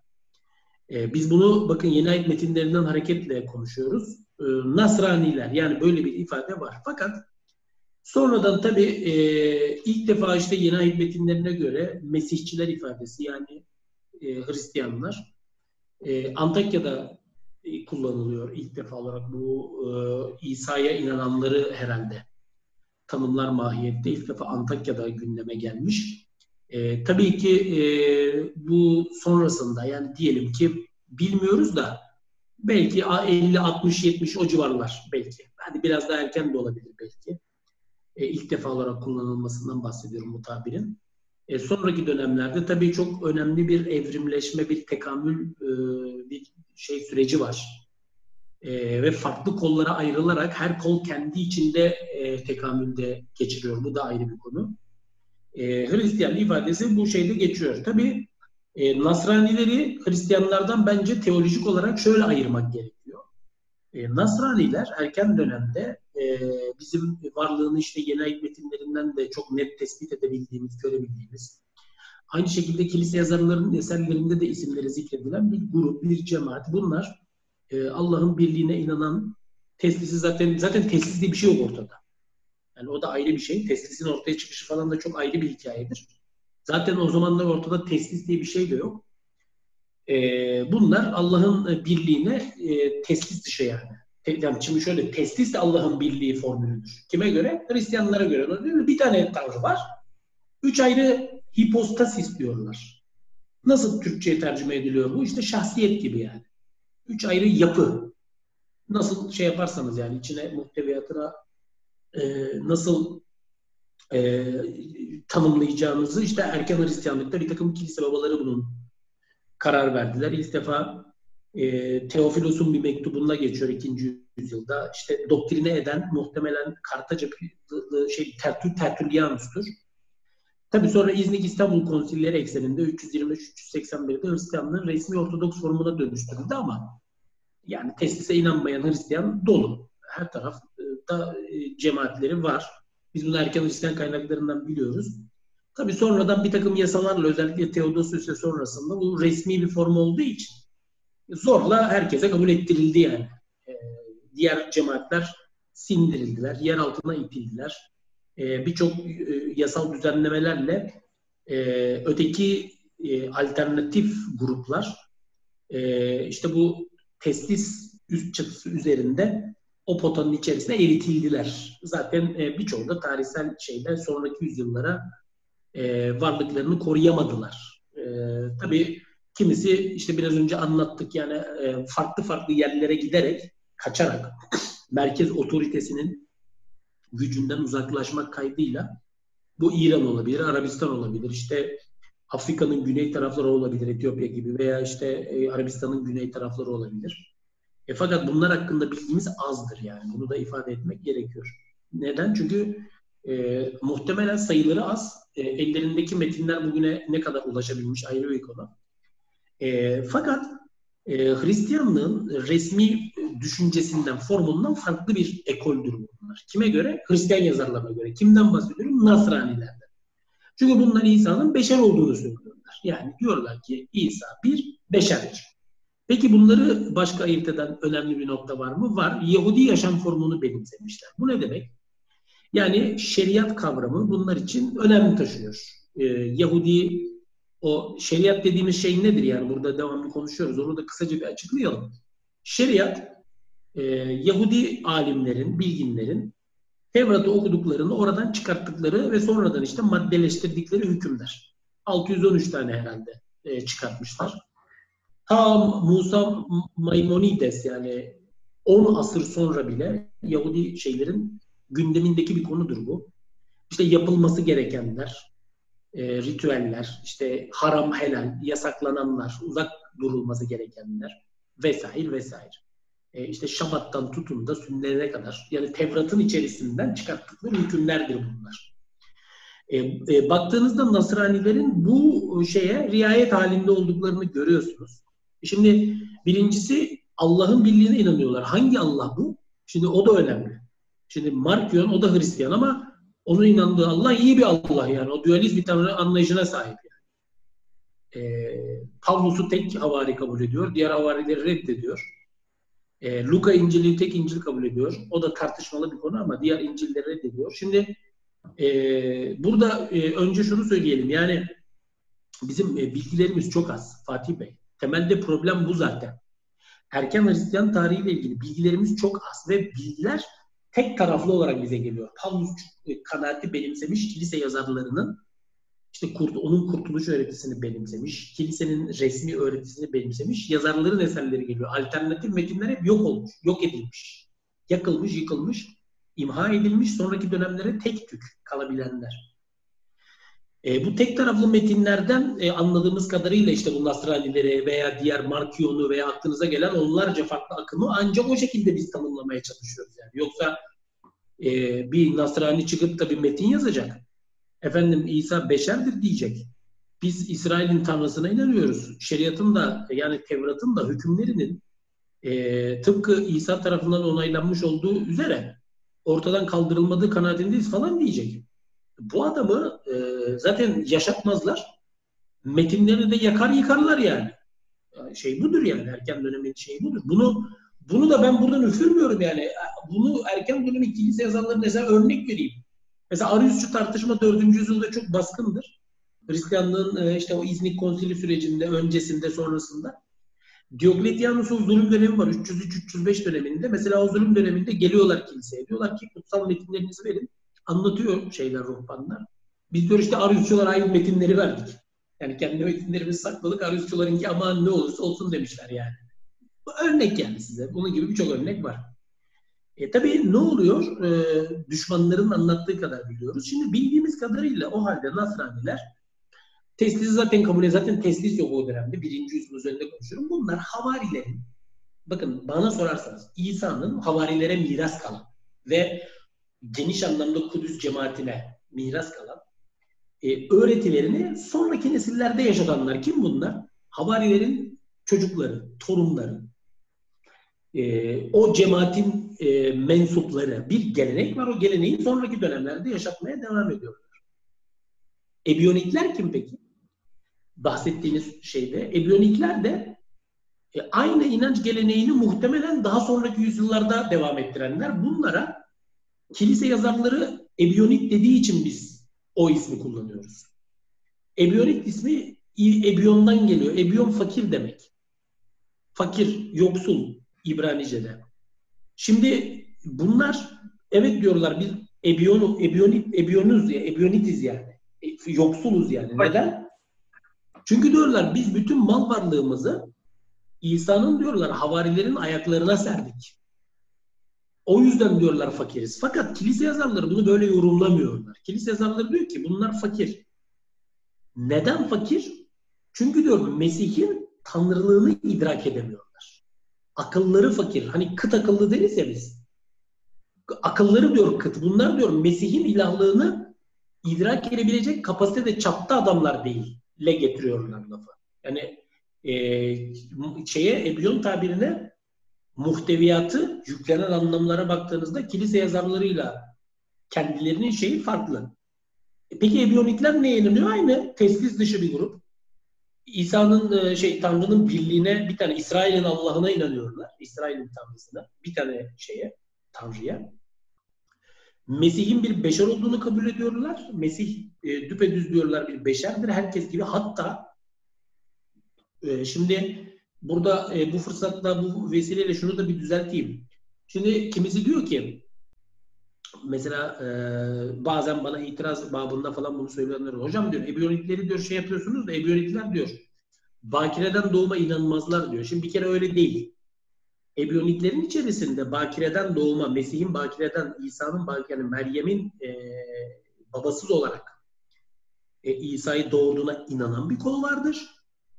E, onun Yusuf'la Meryem'in biyolojik yollardan doğmuş, doğal, babası olan bir çocuk olduğuna inananları vardır. Fakat bu teferruat bir mevzudur. Neden? Çünkü Ebyonikler Pavlus teolojisi zaten Pavlus'un düşmanıdırlar. Bakın Ebyoniklerin kendi metinleri var. Biz Ebyoniklerin kendi metinlerinden Pavlus'a dair görüşlerinin ne olduğunu biliyoruz. Bazıları enigmatik bir usul kullanırlar, bazıları açıkça isim de zikrederler. Şimdi bunlar Pavlus teolojisini reddettikleri için şunu düşünüyorlar. Diyorlar ki Pavlus teolojisi yani geleneksel kilise İsa'nın tanrılığı iddiasını neye dayandırıyor? Şu görüşe ve bu görüşe diyorlar şu şu şu şu şu argümanları da kanıt olarak gösteriyorlar. Mesela İsa'nın e, babasız doğumu kiliseye göre onun bir ilahi varlık olduğunun en önemli kanıtlarından bir tanesidir. Babasız doğum. Çünkü neden? Doğrudan söz gelip diyor e, hani enkarnasyon diyorlar buna. Yani Meryem'in e, rahminde ilahi bir varlığın ete kemiğe bürünmesi, beden alması, vücut bulması. Bunu bildikleri için Ebyonikler yani kilisenin bu görüşe yani İsa'nın ilahlığı görüşüne bir kanıt olarak bunu kullandığını şey yaptıkları için onu da reddetmişlerdir. Yani aslında kiliseyle ters düşmelerinin bir sonucudur. Sonuçta arkadaşlar bu teferruat bin ha şunu da söyleyeyim Ebyoniklerin içerisinde ya kilise yazarları bunu açıkça söylüyorlar. Benim İsa Pavlus İnciler kitabında ben onlarla ilgili bütün şeyleri alıntılarıyla birlikte tercüme ederek yayınladım da. Oradan bulabilir merak edenler. Bakireden doğumu kabul edenleri de var, etmeyenleri de var. Fakat her halükarda bu teferruata tekabül eden bir mevzudur. Bunlar Tanrı'nın birliğine inanırlar. Hazreti İsa'nın beşer olduğuna inanırlar. Onun bir peygamber olduğuna inanırlar. Hazreti İsa'yı tanrılaştıran her türlü doktrini e, tevhidi monoteizme halel getirdiği düşüncesiyle reddederler. E, bu anlamda baktığınızda bana sorarsanız Hazreti İsa'dan başlayan, havarileriyle devam eden Nasraniler ve e, Ebyonikler tarafından da savunulmaya devam eden bir gelenek söz konusudur. Fakat Nasraniler hem Nasraniler ismi olarak zikredilmek suretiyle hem de Ebyonikler ismi olarak zikredilmek suretiyle e, kilise yazarlarının eserlerinde 2. yüzyıl ortalarından itibaren sapkın olarak karşımıza çıkarlar. Yani Mesih'in yani kilise doktrininin dışında hani bizdeki rafızi gibi işte e, şeyin Şia'ya suçlaması veya Şia'nın karşı tarafa suçlaması bu bağlamdaki tartışmalar gibi düşünün ama tabii erken Hristiyanlıkta bunun bağlamı çok daha geniş, çok daha farklı. Hatta ben bunu e, biraz daha farklı açılardan bu Hristiyanlık ve İslam kitabında da anlattım. E, yani yaklaşık bir e, ilk birinci bölümde 70-80 sayfalık bir kısım bu erken Hristiyanlığın e, teolojik tartışmalarıyla da e, haşır neşirdir, ilgilidir. Oradan da isteyenler okuyabilirler. E, bu gelenek yani aslında bana sorarsanız Hz. İsa'nın havarilerin geleneği sonraki yüzyıllarda sapkın ilan edilmiştir. Tabi Hristiyanlık teka, tekamül, evrimleşme sürecinde başka bir yol tutuyor. Orada işin içerisine Roma imparatorları girecekler. Zaten Roma imparatorları ne diyorsa o oluyor. Yani e, konsiller sürecini doğru okumak lazım. İznik, 325, 381 İstanbul, 431 Efes, 449 2. Efes, 553 İstanbul, daha sonra e, işte e, Konstantinus'un e, şeyin Heraklius'un sonrasında devam edecek bu süreç. E, zaten monoteletizm tartışmaları var zaten bir sonraki aşamada. E, arkadaşlar şunu çok açık bir şekilde ifade edeyim ki bütün bu konsiller bunlar büyük ekümenik evrensel konsiller. Yani bunun dışında ilili ufaklı yüzlerce konsil var. Bu konsillerin hepsinde arkadaşlar imparator ne demişse o olmuştur. Yani siyaset belirlemiştir Hristiyanlığın Ortodoks formunun ne olduğunu. Yani Ariusçuluk baktığınızda mesela İznik Konsili sonrasında imparatorluğun resmi mezhebidir. Çünkü 2. Konstantinos 361 yılına kadar imparatordu. 337'den düşünün Konstantinos'tan itibaren. 2. Konstantin oğludur. Ortancı oğludur. Dört oğlu var da ikisi İznik itikadnamesi yanlısı. Bir tanesi Krispus daha önceden zaten öldürüldü. E, ikinci Konstantinus Doğu hükümdarıdır. E, ee, 350'de diğer kardeşlerin ikisi de sattıç kaldılar. Biri 330, e, biri 340'ta, biri 350'de, 363'e kadar, 361'e kadar imparator. Sonra 364'ten 378'e kadar Valens var. Bakın bu ikisi de Vale, e, Ariusçudur. Yani Ariusçuluk aslında imparatorluğun, Doğu İmparatorluğu'nun resmi mezhebidir. Fakat Theodosius İznik itikadnamesi ki yalnızıdır İspanyol kökenli 381 konsilinde de bunu teyit etmiştir. Ve e, sonrasında da bir sürü yasa çıkarmıştır. Nedir bu yasalar? Sadece demiştir teslis yanlıları Hristiyan ünvanını kullanabilir. Yani merak edenler benim gene Hristiyanlık bir imparatorluk kitabım var. Oraya bakabilirler. İmparator ne demiştir? Hristiyanlığın ortodoks formu olmuştur. Bunlar o görüşün dışındaki gruplar. Dolayısıyla aforoz edilmişlerdir. Ama bana sorarsan İsa'nın her yönüyle özgün demiyorum. Bakın Ebyonikler de kendi işlerinde tekamüle uğradılar. Şimdi insanlar bunları anlamakta zorlanıyor arkadaşlar. 300, 400, 500, 600 sene geçmiş. Bu adamlar iki tane büyük savaş yaşanmış.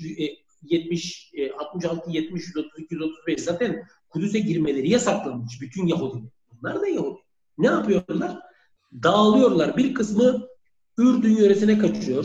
Bir kısmı cemaatler halinde Mısır bölgesine gidiyorlar. Bir kısmı e, Suriye Anadolu'nun şeyi o kısımları. Bir kısmı muhtemelen Arabistan sahasına geliyor. Bir kısmı İran'a kaçıyor falan. Şimdi bunlar gittikleri yerlerde bu farklı cemaatler hepsi ilk kökenli sonuçta. Ama gittikleri yerlerdeki cemaatlerle de karışık kaynaşıyorlar. Yani Mısır'a gidenlerde bakıyorsunuz gnostik eğilimler ağır basıyor. Mesela. Şimdi bu bir tesadüf değil. Gnostisizmin yaygın olduğu bir coğrafyadır Mısır. Bunlara bu açıdan bakmak lazım. Yani idealist bir tarih okuması doğru değil yani. Şimdi Abbasiler de Hazreti Peygamber mesela 632'de öldü. E, Hazreti Peygamber'den 400 sene sonra kim vardı yani 600 binli yıllarda? Şimdi Selçuklular. Mesela bir Selçuklu sultanı tamam Müslüman veya o dönemde mevcut diğer devletlere bakın bunların hepsi Müslüman. Peki hangisi Hazreti Peygamber'i ne kadar anlamıştır? Bu ayrı bir tartışma konusu. Buna böyle bakmak lazım. Çok idealist bir tarihsel yaklaşım. Siz 403 yılında Epifanius'un ölmüş, 403 yılında ölmüş bir yazarın eserindeki ebyoniklerle 300'lü yıllarda yaşamış bir yazarın ebyoniklere dair rivayetler arasında farklar görürsünüz. Bu gayet normaldir. Sonrasındaki ebyoniklerde de farklar görürsünüz. Bu da gayet normaldir. Bunlara böyle bu açıdan bakmak lazım. Ne zaman tarih sahnesinden çekiliyor bunlar hocam? 10. yüzyılda bile varlar. 10. yüzyılda bile varlar. Bunu nereden biliyoruz? Arabistan sahasında e, bizim Arap e, müelliflerden bazıları e, işte e, İslam'ı kabul etmemekle birlikte Mesih'e iman eden ama onu bir beşer olarak kabul eden bir takım cemaatlerden bahsediyorlar. 10. yüzyıl. E, hala var değil mi hocam? Hala var. Ebunikler hala var. Sayıları çok çok az. Ama varlar. Bunlar tabii kendilerini asla Hristiyan olarak tanımlamıyorlar. Yahudidirler. Yahudi geleneğini devam ettiren fakat e, Mesih'e de iman eden e, şeyler. E, mesela e, Kur'an-ı Kerim'in e, Nasraniler derken bunları atıf yapıyor olması muhtemeldir yani bana sorarsanız. Neden olmasın?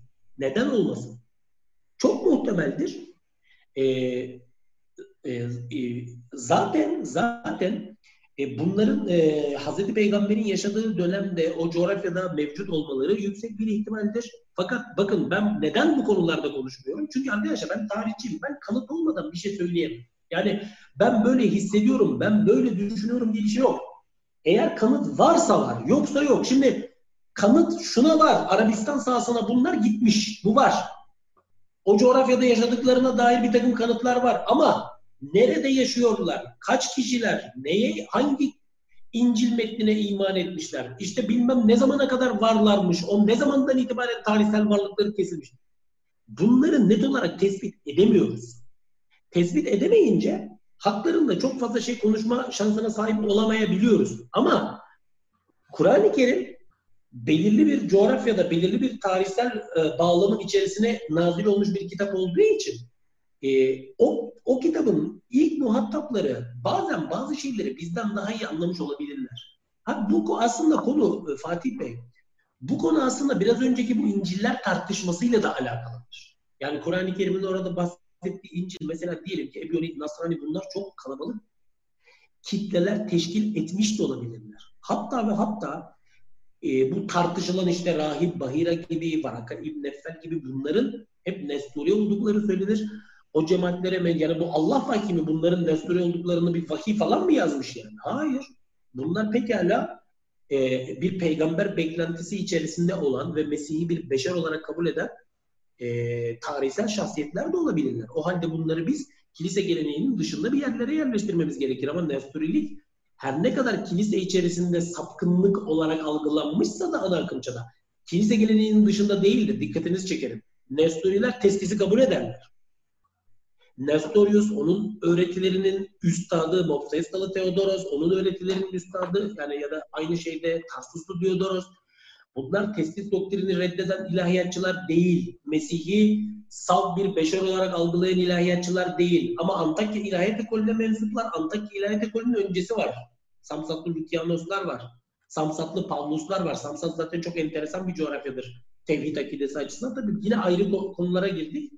Fakat biraz önceki sorunuz anlamında da e, tahmin ediyorum bu cevabım e, bir e, şey olacaktır yani bir açılım olacaktır.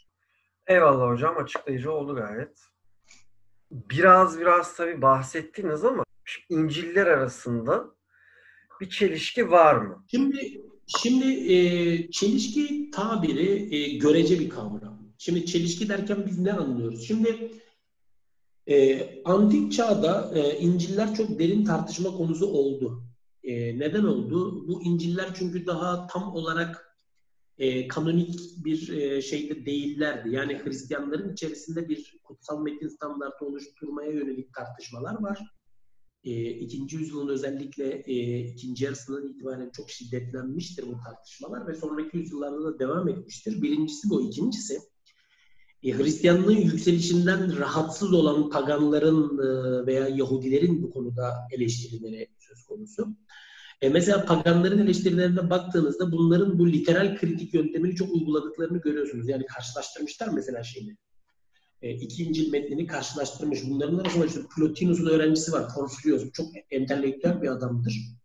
E, büyük bir yetkinlikle eleştirmiş İncil'leri. Yani gösteriyor şu şöyledir bu böyledir falan diye. Mesela bu eleştirilere baktığınızda bazı noktalarda İncil metinlerinin arasındaki çelişkilere dikkat çekiyor. Bazı noktalarda İncil metinleriyle diğer metinler arasındaki anlaşmazlıklara dikkat çekiyor. Bazı noktalarda gelenekler arasındaki e, uyuşmazlığa ya da bir geleneğin kendi içindeki o muhteviyatındaki e, farklı e, şeylere, yapılara farklı dikkat çekiyor. Çelişkilere dikkat çekiyor. Örnek vereyim. Mesela iki, iki İncil metnini karşılaştırıyor ve diyor ki yani bu iki İncil'in şu şu anlatımları arasında diyor şey var. Şimdi İsa'nın mesela çarmıha gelişiyle ilgili anlatılar mesela bugün her merak eden açıp şey yapabilir. E, anlatılarda tutarlılık e, yansıtan taraflar da var. Tutarsızlık yaratan, yansıtan taraflar da var. Dirilişe dair rivayetlere bakın. Dirilişle ilgili rivayetlerde tutarlılık yansıtan taraflar da var, çelişki yansıtan taraflar da var.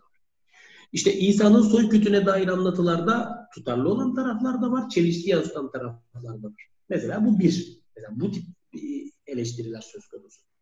E, tabii e, bu eleştirileri e, ben e, yani madde madde e, değilse bile en azından e, birçoğunu hem İsa Pavlus İncil'lerde hem İncil'ler güvenilir metinler mi kitabında ele aldım. İkincisi e, İncil'lerle diğer gelen ne, neyi kastediyorum? Şimdi mesela örnek dediniz ya örnekler üzerinden gidelim. Şimdi İncil'lerde e, sanıyorum e, Matta İncil'inde yani işte İsa'ya ihanet eden e, o şeyden bahsediyor. E, Yahuda'dan. Yahuda İskaryot, İskaryot'tan.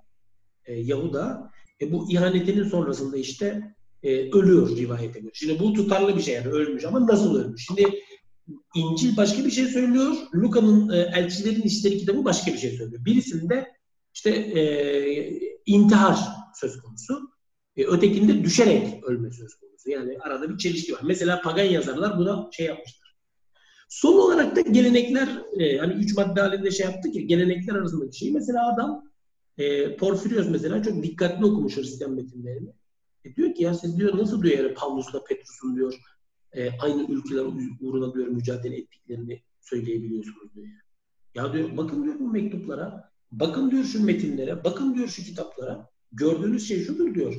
Sizin diyor havari kabul ettiğiniz Pavlus İsa'nın baş havarisi olduğunu söylediğiniz Petrus'u diyor şu şu şu şu, şu açılardan eleştiriyor. Onu ikiyüzlü davranmakla suçluyor.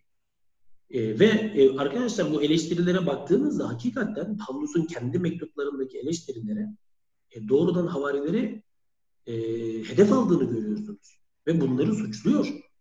Irkçılık yapmakla suçluyor. Yahudi gibi, herkesi Yahudi gibi yapmakla suçluyor. İkiyüzlülükle suçluyor. Cemaati sömürmekle suçluyor. Cemaat üzerinden çıkar elde etmekle suçluyor arkadaşlar. Yani Pavlus'un mektuplarına baktığınızda göreceğiniz şey budur. Yani e, Porfirios Burada bu iki tarafın yani Pavlus'un ve havarilerin özellikle Petrus'un işte bir arada ortak bir din neşrettikleri şeyine itiraz ediyor. Şimdi Hristiyan yazarı tabii bunun yanı sıra şu da var e, şey e, Fatih Bey. Hristiyanların e, sıradan e, samimi müminlerin okuyup da bu metinlerde çelişkiler bulmaları söz konusu. Bunu e, örnek olarak mesela diyelim ki işte Lugdun'unda bugünkü işte Fransa'da Lyon bölgesinde bir bayan mesela Hieronymus'a, Jerome diyor batılı şeyler e, yazdığı bir mektup var. Mektupta soru sormuş Hieronymus'a. Diyor ki ben diyor işte şeyi okudum e, bu metinleri şeyleri okuyorum. Bunların arasında diyor çok ciddi çelişkiler var. Ben diyor bunu anlayamıyorum. Bana diyor bunu izah eder misiniz? Hieronymus kendi mektuplarında onun sorduğu soruları da şey yapar. E, mesela bu neyi gösteriyor bize? Sıradan Hristiyanların da zihinlerinde soru işareti. Başka örnekler de verebilirim de konuyu çok uzatmaya gerek yok. Ne oluyor? Hristiyan yazarlar bu gibi problemlerle yüzleşiyorlar. Yüzleştiklerinde önce ikinci yüzyılın ortalarında bak beni iyi dinlesinler dinleyenler. Bir şey anlatmaya çalışıyorum. Bak ikinci yüzyılın ortalarında ortalarından itibaren bir takım Hristiyan yazarlar bu çelişkileri nasıl ortadan kaldırabileceklerine dair arayışlara başlıyorlar. Herkes başka bir yol öneriyor. Mesela Tatianus'un önerisi bir İncil harmonisidir. Tek bir İncil metni. Birçok farklı metni yani farklı İncil'leri almış, tek bir metin haline getirmiş. Mesela İsa'nın doğumuyla ilgili rivayeti şuradan almış. İşte atıyorum X bir İncil'den. Ölümüyle ilgili rivayeti buradan almış bilmem işte çocukluğuyla ilgili anlatılardan şu rivayet almış, bilmem nereden ne olmuş ortaya tek bir metin çıkmış. Ne oldu? Şeyler, e, çelişkiler ortadan kalktı mı? Kalktı. Çünkü artık dört farklı anlatım yok. Bir tane anlatım var her konuda. Bu, onun yolu budur. Ha bu yol, şimdi Hristiyanlar bugün için tabii ki diyorlar ki Bu diyorlar sapkın zaten. Yani bunu böyle yapmasına şaşacak bir şey yok. İyi de bu adamın metni 5. yüzyıla kadar Suriye bölgesinde geçerli yeni ahit standartıydı. Buna ne olacak? Nasıl olacak? 5. yüzyıla kadar bu metin, bu Diatesteron metni Suriye bölgesinde koskocaman bir Hristiyan cemaatten bahsediyorum. Onların kutsal metniydi. Yani siz bugün bunun sapkın olduğunu söylüyorsunuz. 4. yüzyılda Suriye bölgesinde yaşayan hiçbir Hristiyan için böyle bir şey yok. E, gel öte tarafa. Mesela Markio'nun çözümü nedir? Bir tane İncil kabul ediyor. Yani mevcut bütün İncil'lerin arasında bir tane İncil kabul ediyor. Muhtemelen Luka. Şimdi böyle bir kanaat var. Luka İncil'i kabul etmiştir ama bu Luka bugünkü Luka mı onu da bilmiyoruz. Bugünkü Luka'ya kaynak teşkil eden başka bir metin miydi? Veya bu Luka'ya esas alınarak oluşturulmuş başka bir metin miydi? Kaçıncı yüzyıl hocam? İkinci yüzyıl bu. İkinci yüzyıl. Sinopludur. Markio Sinopludur. Şimdi e, bugün diyor diyecekler ki yani ya bu zaten sapkın yani bu adam ya sapkın da siz sapkın olduğunu söylüyorsunuz.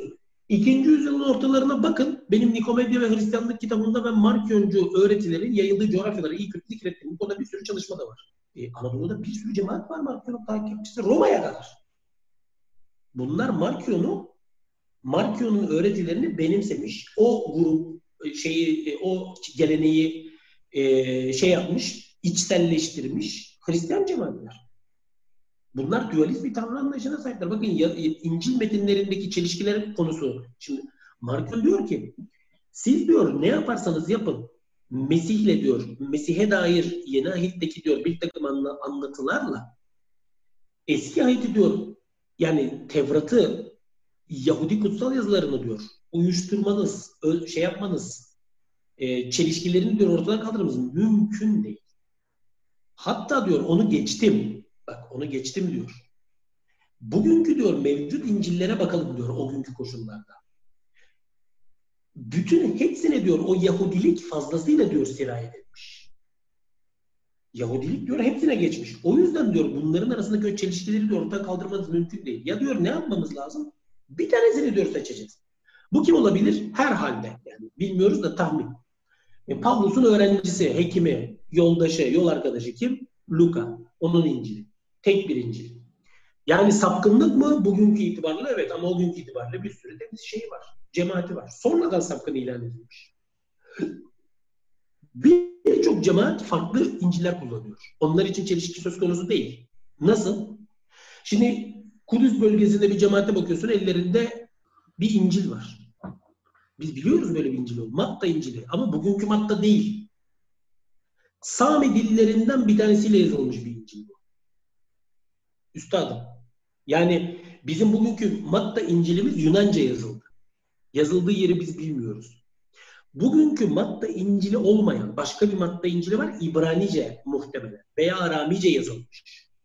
Nereden biliyoruz? Kilise tarihçileri anlatıyor. Nerede kullanılıyor bu? Yahudiye bölgesinde. Kim kullanıyor? Nasraniler, Ebiyonikler dediğimiz cemaat. Ya da Ebiyonikler İncil'i, Nasraniler İncil'i falan filan. E, İbranilere göre İncil'ler. Şimdi bunların, bu cemaatler birer İncil'e sahip. Efes bölgesinde diyelim ki sadece Yuhanna İncil'i kabul edilmiş. Kabul edilmiş derken bunlar Tevrat gibi Allah vahyi olarak da görülmüyor o dönemde. Yani o da var. Bunları anlatıyorum. Kızıyorlar yani. Hayır, gerçek bu arkadaşlar. Neden? Çünkü bu cemaat için neden bir çelişki söz konusu değil? Çünkü adamın elinde 3 tane, 5 tane, 10 tane, 20 tane İncil yok. Bir de Yuhanna İncil'i var. Çünkü birisi o cemaat için bir metin yazmış. Bu metinlerin ortaya çıkışı zaten böyledir. Ya biz bir adam çıkıp da ya ben bir İncil yazayım da bu işte bir konsilde kabul edilsin. Bütün Hristiyan dünyaya teşmil olsun bu. Kutsal kitabı böyle bir amaçla yazılmış bir şey değil bu metinler. Bir cemaate hitaben. Şimdi diyelim ki e, İzmir'de bir cemaat var. Bu cemaat Mesih'e iman ediyor. Diyorlar ki cemaatin içinde işte eli kalem tutamıyor. Ya diyorlar bize yazsana yani İsa'nın hatıratını falan. Yani. O da yazıyor. İşte müjdeyi yazdım diyor yani İsa'nın müjdesini. Zaten o müjde dedi çarmıha gerilme hikayesi yani. O ulaşabildiği bilgilerle. Şimdi ne oluyor? Bir, bir sürü cemaatin elinde birer tane var. Fakat tabii ki süreç içerisinde bu çelişki mevzuları Hristiyan yazarları çok rahatsız etmeye başlayınca özellikle de dört İncil'i sivrilmesinden sonra ve Hristiyan yazarlar da işin içinden doğrusu çıkamayınca bak mesela Markion gibi işte e, Tatianus gibi örnekleri o yüzden veriyorum yani. Zaten bu metinler kutsal olsa o dönemde hiçbir tanesinin aklına gelmez yani biz bir tane İncil şey yapalım falan diye. Yani düşünebiliyor musun? Bugün yani e, mesela İrenaeus e, 180'li yıllarda diyor ki İncil'lerin sayısı 4 olmalıdır. Fatih Bey, eğer birisi bunu söylüyorsa İncil'lerin sayısı 4 olmalıdır diyorsa ne zaman? 180'li yıllarda ne zaman? İsa'dan, İsa'nın ölmesinden 150 yıl sonra Lyon'da bir psikopos diyorsa ki İncil'lerin sayısı 4 olmalıdır. Açın sapkınlara karşı kitabına bakın. Ben anlattım hepsini işte o İncil'ler. Eğer birisi bunu söylüyorsa İncil'lerin sayısı 4 değil demektir. Bak Şimdi, şimdi beni dinleyenlerin anlayabilmesi için an, an, onların anlayabilecekleri şekilde anlatmaya çalışıyorum. Şimdi birisi bugün dese ki arkadaşlar biz beş tane Kur'an'a iman edelim. Kur'an'ın sayısı beş olmalıdır. Beş tane farklı yani. Beş tane farklı Kur'an-ı Kerim'i beş farklı kişi kaleme alacak. Büyük ölçüde benzer olacaklar ama farklılıkları da olacak. Diyecek ki beş Kur'an'a bu ne demek? Bu şu demektir. Demek ki Kur'an'ın sayısı 5 değil. Öyle değil mi? Yani. Ya çok basit bir mantık değil mi? Yani. Bir, iki. Birisi bugün dese ki Kur'an'ın sayısı 5 olmalı, Müslüman dünya onu ne yapar? Kesip doğrar ne yapar? Ya en iyi, bak en iyimser şeyi söylüyorum. Birisi diyecek ki Kur'an'ın sayısı 5 olacak. En ılımlı, en şey adam der ki ya sen manyak mısın der yani. Kafayı falan mı yedin der yani. Nasıl olacak der yani? Ya bizim bir tane kitabımız var o da budur diyecek. Nasıl beş olacak yani? Şimdi Tatianus'a bakıyorsun erken dönemde ya sen nasıl e, İncil'lerin hepsini tek bir metin halinde derledin diye ona kızan yok. İrenaeus İncil'lerin sayısı dört olsun dedi diye ona kızan hiç kimse yok. Demek ki bunlar o günler kutsal metin değil. Herkes üzerinde oynayabiliyor rahatça. Fakat aynı şeyi Yahudi kutsal yazılarına yapmıyorlar. Niye? Çünkü onlar kutsal metin. Bilmiyorum ifade edebiliyor muyum? Çok net hocam. Anlatabiliyor muyum? Çok net. Eyvallah. Ha, şimdi demek ki demek ki bu dört İncil'in işte bu hocam nereye giriyor iş? Dört İncil'in kanonikleşmesinin tarihi.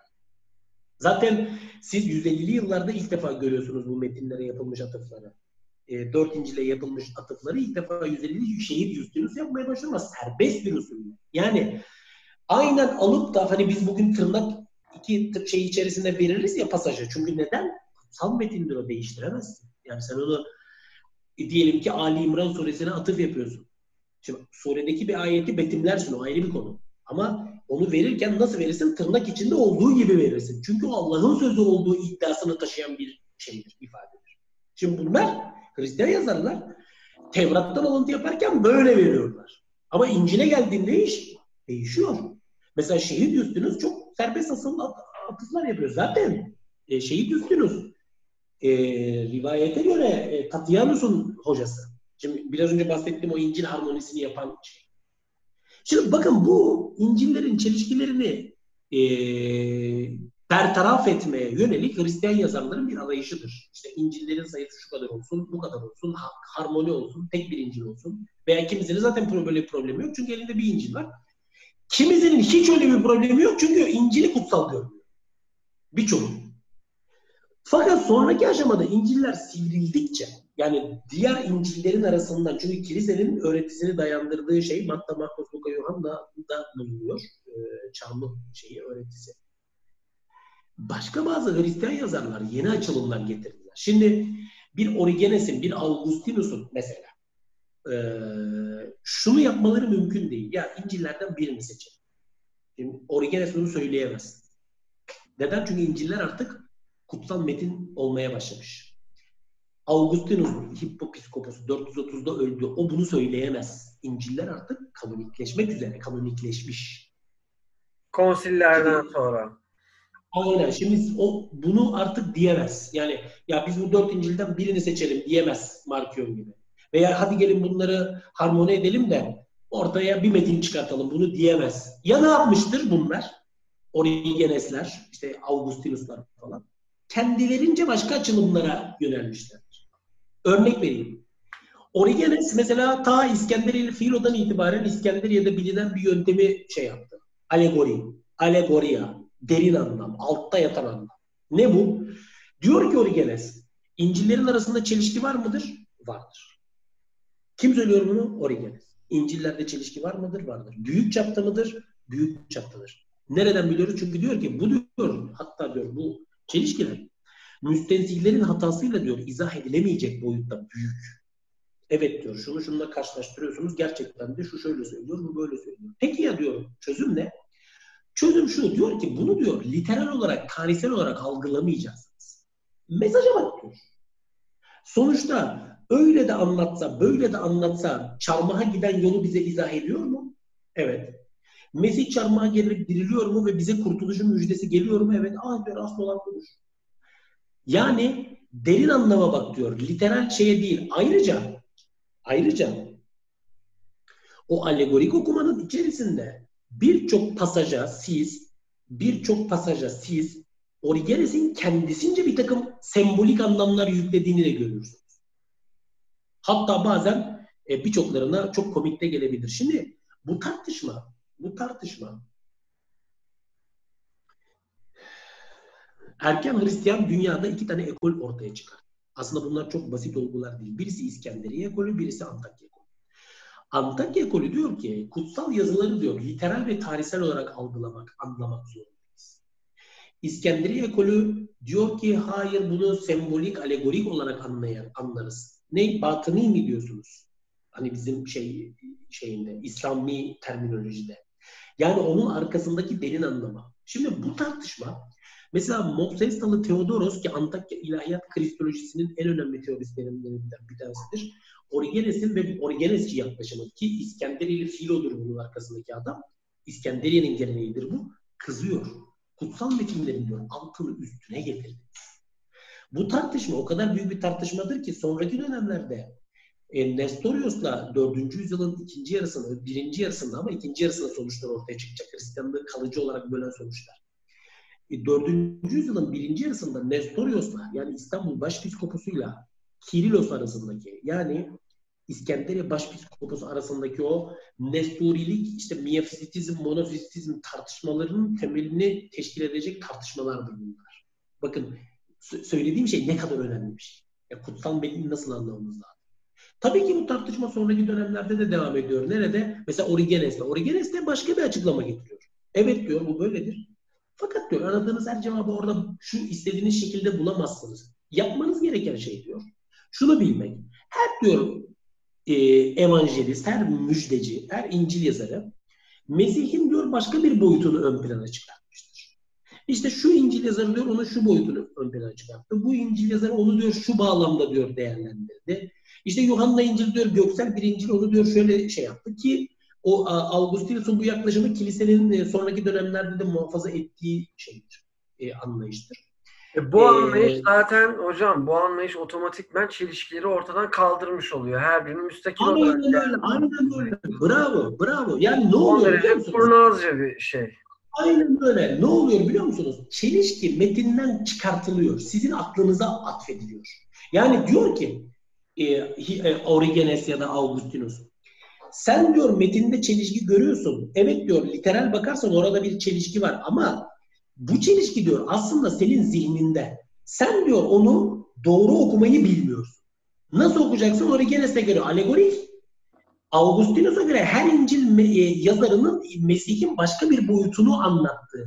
Dolayısıyla bir takım detaylarda, ayrıntılarda, anlatılarda çelişkiler var idiyse bile Nihayetinde bizim vardığımız yol İsa'nın çarmıhıdır. Çarmıha gerilip dirilip göğe çıktığıdır ki dört İncil'de bunu anlatmaktadır. Ve bizim bu sayede kurtuluş elde ettiğimizdir. Şimdi bu tartışmalar burada da bitmedi e, üstadım. E, sonraki dönemlerde tabii kilise e, özellikle batıda e, bu metinler Latince olduğu için bunların farklı dillere tercümesine hep karşı çıktılar.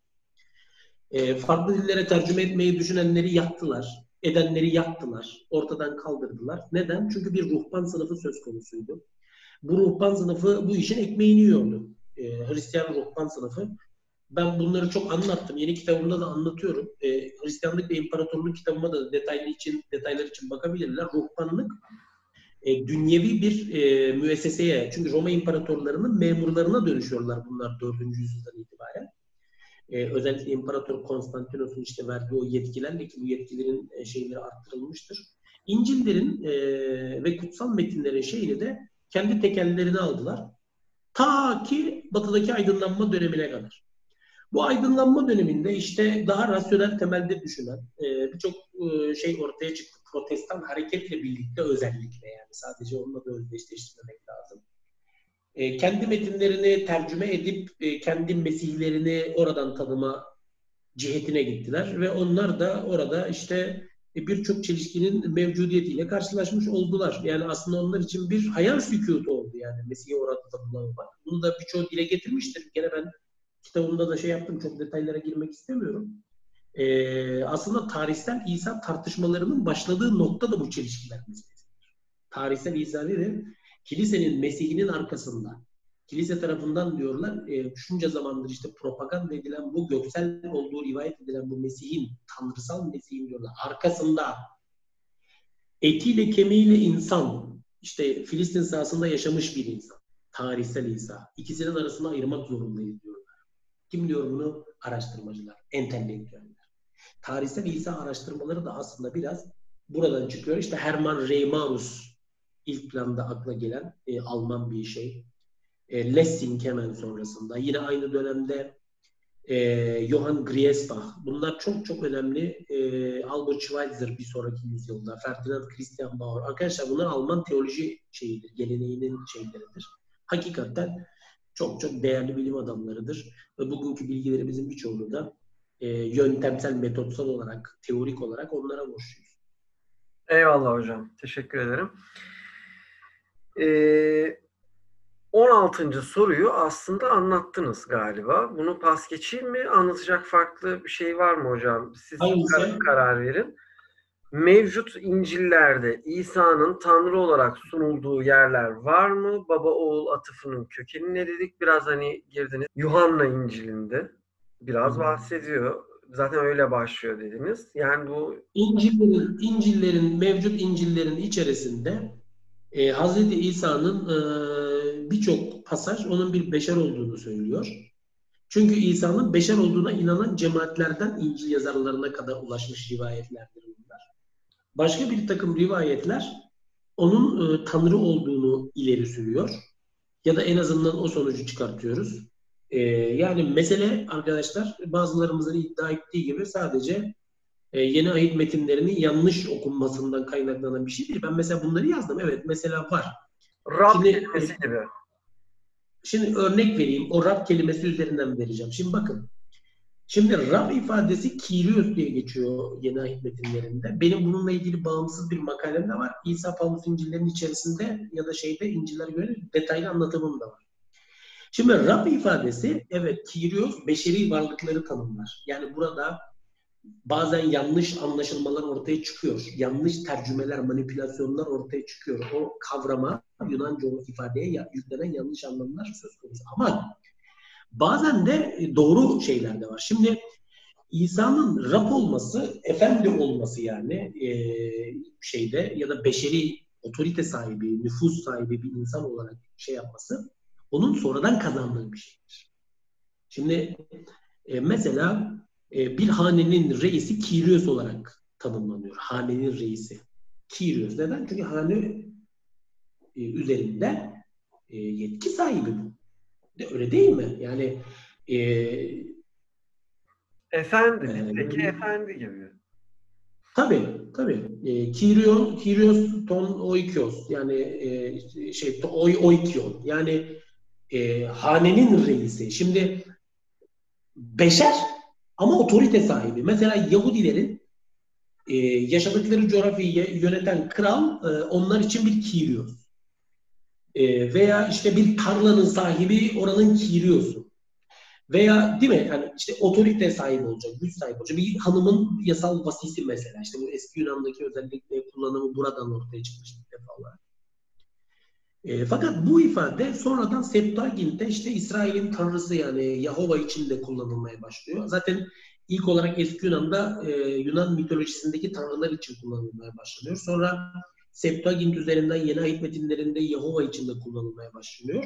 E, şey e, Septuagint metinlerinde. Sonra yeni ayet metinlerinde hem tanrı hem beşer varlıklar otorite sahibi hem de İsa için kullanılmaya başlıyor. İsa için kullanıldığında bazen İsa'nın beşeri boyutu kahir eksenisi, beşeri boyutunu vurguluyor. Ey Efendimiz diyor mesela Petrus gelip bunu Ya Rabbi'ye çeviriyorlar. Bu yanlış tercüme, manipülasyon. Burada amenna. Şimdi İsa'ya Kyrios denilmesinin sebebi ne? Yahudiler neden ona Kyrios diyorlar? Çünkü bu adam eski ahit konusunda bir uzman. Buna Rabbi diyorlar, Rabbi. Ne demek Rabbi? Yani Yahudilerin Üstad. Din, din alanında uzman şeylerine verdikleri bir isim. Rabbidir yani İsa'ya söyledikleri şey. Şimdi öğretmen diyor. Öğretmen ayrı o didaskalos. Şimdi o da şeyle alakalı. Neyin öğretmeni bu? Neyi öğretiyor? E bak yeni ayet metinlerine adamın bütün atıfları e, İsa Aleyhisselam'ın bütün atıfları Tevrat'a, e, şeye, yasaya, şeriata hep oradan referans getiriyor. Hep oradan örnekler sunuyor. Yani bu hem İncil adında bir kitabı da yani Kur'an-ı Kerim'e göre de kendisine nadir olmuş. Şimdi bu öğreten bir adam Didaskalos ama Yahudi bağlamında Rabbi. Neden? Çünkü alanda uzman. Şimdi hiç kimsenin yapamadığı yetkinlikle yapıyor yorumunu. Bu yüzden Kyrios. Neden? Çünkü otorite. Peki bu otorite ne zaman kazanılmıştır? Bir insanın yaşamı sırasında edindiği bilgi birikimiyle, tecrübeyle veya peygamber figürü için bunu Allah'ın verdiği hidayetle de diyebilirsiniz. Yani. Ancak doğumundan itibaren böyle bir şey yok. Halbuki siz Luka İncil'ine baktığınızda, şimdi bu metinleri böyle okumak lazım. Luka İncil'inin bir pasajında mesela Elizabeth'in yanına gider Meryem henüz daha İsa'ya hamiledir. Orada mesela Rabbimiz işte doğum öncesinde de bak daha İsa doğmadı dikkatini çekiyor. Yani daha Rabbi değil, Didaskalos değil. Öğrenmiş öğrenmiş de uzman olmuş, otorite olmuş değil. Halbuki Elizabeth onu Rab olarak tanımlar. Evet orada da Yunanca metinde Rab kelimesinin karşılığı Kyrios olarak geçer. Ama siz bu Kyrios'u efendim bu beşerdir de siz bunu böyle anlıyorsunuz diyemezsiniz kusura bakmayın. Neden? Çünkü daha doğmamış. O yeterliliği henüz edinmemiş henüz yeni ayet konusunda, eski ayet konusunda, Yahudi kutsal yazıları konusunda bir herhangi başka bir konuda bir şey bilen bir insan değil. Daha annesinin karnındayken Rab diye tanımlanıyor. Kyrios mu? Yunanca metinde evet. Ama biraz önce anlattığım birçok örneğin tersine bir durum söz konusu. Demek ki buradan ne sonuç çıkıyor? Kasıtlı. Bunun gibi birçok farklı örnek de verebilirim. Demek ki buradan çıkan sonuç ne? Bakın Yeni ayet metinlerinde İsa'nın beşer olduğuna dair birçok pasajda var. Pais kelimesi mesela önemlidir. Oğul anlamında ama oğul yani burada bu başka bir soruda vardı herhalde yani İsa'nın ilah olduğu anlamına gelmiyor. Pais, kul anlamı da var gene Yunanca'da yani. Pais kelimesinin oğul anlamı da var, kul anlamı da var. Baba ile İsa'nın ilişkisini tanımlamak için kullanılan ifadelerdendir. Ee, mesela bu ifade önemli. Kyrios e, burada çok daha baskın, çok daha fazla geçen bir kelime. Şimdi burada biz ne anladık? Bakın Mesih'in beşer olduğunu tanım, onu beşer olarak tanımlayan Kyrios da çok ama Tanrı olduğu ya da ilahi bir varlık olduğu daha doğmadan önce ilahi bir varlık olarak tanımlandığı şeklinde e, bir sonuca ulaşmamız da mümkün. Bakın bu da tartışılabilir. Yani belki bunu da e, speküle edebiliriz. Ya efendim işte Elizabeth orada onu kastetmemiştir. Şimdi arkadaşlar demek ki burada ortada bir takım spekülasyon bir zemini var. Zaten kristoloji diye bir disiplin buradan ortaya çıkıyor. Hocam bu konuda mesela Tevrat'a atıf yapıyorlar. Ya bu bahsettiğiniz konuda mesela Tevrat e, ayetlerinden atıfla e, hani zaten Tevrat'ta Rabbin kendisinin geleceği vaat ediliyordu. İşte ayetlerde bunlardır diye örnek vererek onu o, teolojiyi birbirine şey yapıyorlar, bağlıyorlar. Şimdi oradaki mesele şu. Hristiyanlar aslında erken dönemlerden itibaren e, Yahudilerin kutsal yazılarına en çok şu sebeple e, şey yapmışlardır, saygı göstermişlerdir ya da benimsemişlerdir. Çünkü orada Mesih'in geleceğine dair şeyler bulurlar, kanıtlar gösterirler. Yahudiler ise bu kanıtları hep reddederler. Ya işte efendim oradan o anlaşılmaz. Bakın der yani Hristiyanlar sizin işte metinlerini bizim Müslümanların bugün yaptığı gibi şimdi bugünkü dört İncil'den arıyoruz ya. Onlar da o günkü şeylerden e, arıyoruz yani. Arıyorlar. Bakın diyorlar işte Mesih'in geleceğine. Şimdi Yahudiler de diyorlar ki tamam da o diyorlar İsa'ya işaret ediyor yani. E, gibi. Baba oğul Fakat... da bu değinebilirsiniz hocam. Aynı sorunun içerisindeydi. Yani bu baba oğul işi de nereden çıktı? Onu da öğrenmek istedim. Şimdi şimdi baba oğul işi e, şeyde geçiyor ya. Matta İncil'inin falan e, yani İncil'lerin son kısımlarında geçiyor bu. Dirildikten sonra gidin işte e, baba oğul kutsal ruh adına şey yapın falan. E, şimdi her şeyden önce şunu söyleyeyim. Bu Markos İncil'i en eski İncil'dir. Orada bu şey ifadeler buraya eklenmiştir. Interpolasyon bu. Yani bunu e, şeyin e, Bruce Metzger'in bu e, yeni ait metinleri üzerine yaptığı işte bu özellikle metin kritiği yöntemiyle yaptığı çalışmalar bunu ortaya koymuştur. E, eklemedir yani. Fakat doktrin olarak yok. Yani baba ol kutsal ol üçleme şeyi e, o zamanlar söz konusu değil. E, peki bu nereden çıktı? Testis yani. Bugünkü ifadeyle söylesek testis ya da e, işte üç, üçlü birlik yani üçleme. E, bir taraftan tabii ikinci yüzyıldan itibaren Mesih'in tanrılaştırılması durumu söz konusu olduğu için bir taraftan Mesih tanrılaştırılırken e, öte taraftan e, Tanrı'nın birliği ileri sürülüyor. Şimdi yani bir taraftan diyorsunuz ki Tanrı bir tanedir, öte taraftan diyorsunuz Mesih, Mesih de Tanrı'dır. Peki bu paradoksu nasıl e, aşacaksınız? Şimdi hem e, Tanrı'nın birliğine halel gelmesi lazım, hem e, Mesih'in kristolojik olarak değerini indirmemeniz lazım. Teslis bu bağlamda öne sürülen doktrinlerden bir tanesidir. Tek doktrin bu mudur? Hayır. E, modernizm monarşiyalist akım var. Modernizm monarşiyalist akımın Sabellius işte bir temsilcisi. E, o da şöyle bir şey söylüyor.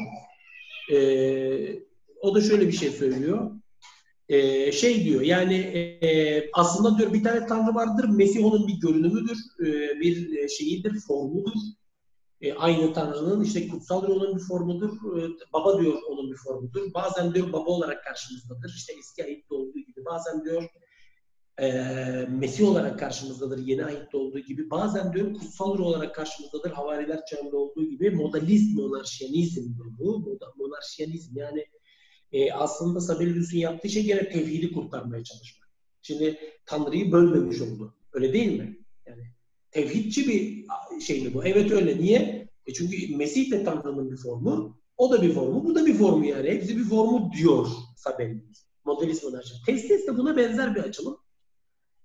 Ee, işte e, zamanla doktrin haline getiriliyor Kartacalı Tertullianus döneminde. İlk defa isim olarak şeyde geçmiş. Tabir e, Antakyalı Teofilus da geçiyor ikinci yüzyılın ikinci yarısında ama orada bir doktrin olarak karşımızda değil. İncil'lerde zaten yok. Yani yeni ayet metinlerde tesisli bir şey zaten söz konusu değil. Hani Pavlus'un da tesisçi olduğu anlamda söylenemez. Ee, ama Mesih'i beşer üstü statüye yüceltmiş midir? O ayrı konu yani. Evet. Ee, en sonunda e, tabii e, İznik ve İstanbul konsillerinde e, teslis e, Hristiyanlığın genel e, şey olarak kabul ediliyor. Hocam bu arada mesela şunu da sormak isterim. Şimdi babayı anladık. E, Hazreti İsa'yı da anladık kutsal ruhun e, belirgin rolü ne tam olarak?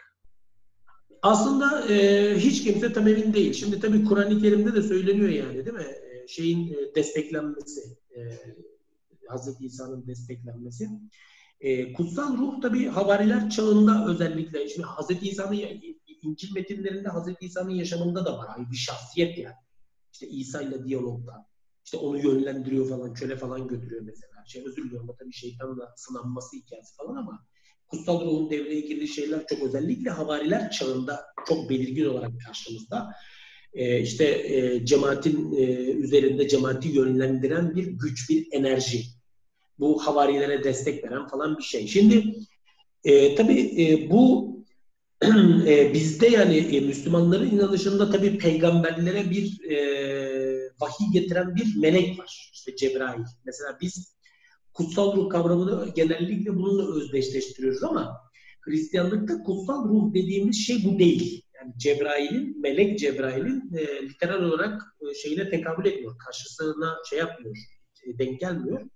Burada tabii e, e, bu ayrı bir güç, bir e, bunu bir enerji, bir sinerji olarak düşünebilirsiniz. Sonra zamanla E, bu da şey yapıyor. Yani özellikle işte e, Makedonya tartışmalar var. 381 konsilinin öncesinde işte bu kutsal ruhla ilgili tartışmalar o dönemde yoğunlaşıyor. Tabii çok bunlar da detaylı konular da kısa kısa geçiyorum. E, şeyde e, İstanbul Konsili'nin e, iman şeyinde e, o da teslisin bir öğesi olarak e, karşımızda. Zaten İznik Konsili'nde de şey yapılmıştı ama önemi daha azdır yani İstanbul Konsili'nde daha vurguludur. 381'deki konsilde. E, bugün tabii Hristiyanlar için kutsal ruh tanrısal bir şahsiyet, hipostasis yani. Aslında Tanrı'nın aynı Tanrı'yı, o üçlü birliğin bir şeyi. Baba oğul kutsal ruh dediklerinde Ruhul Kudüs işte o yani. Ama bu Ruhul Kudüs Müslümanların Cebrail tanımlamasının karşılığı değil Hristiyanlıkta.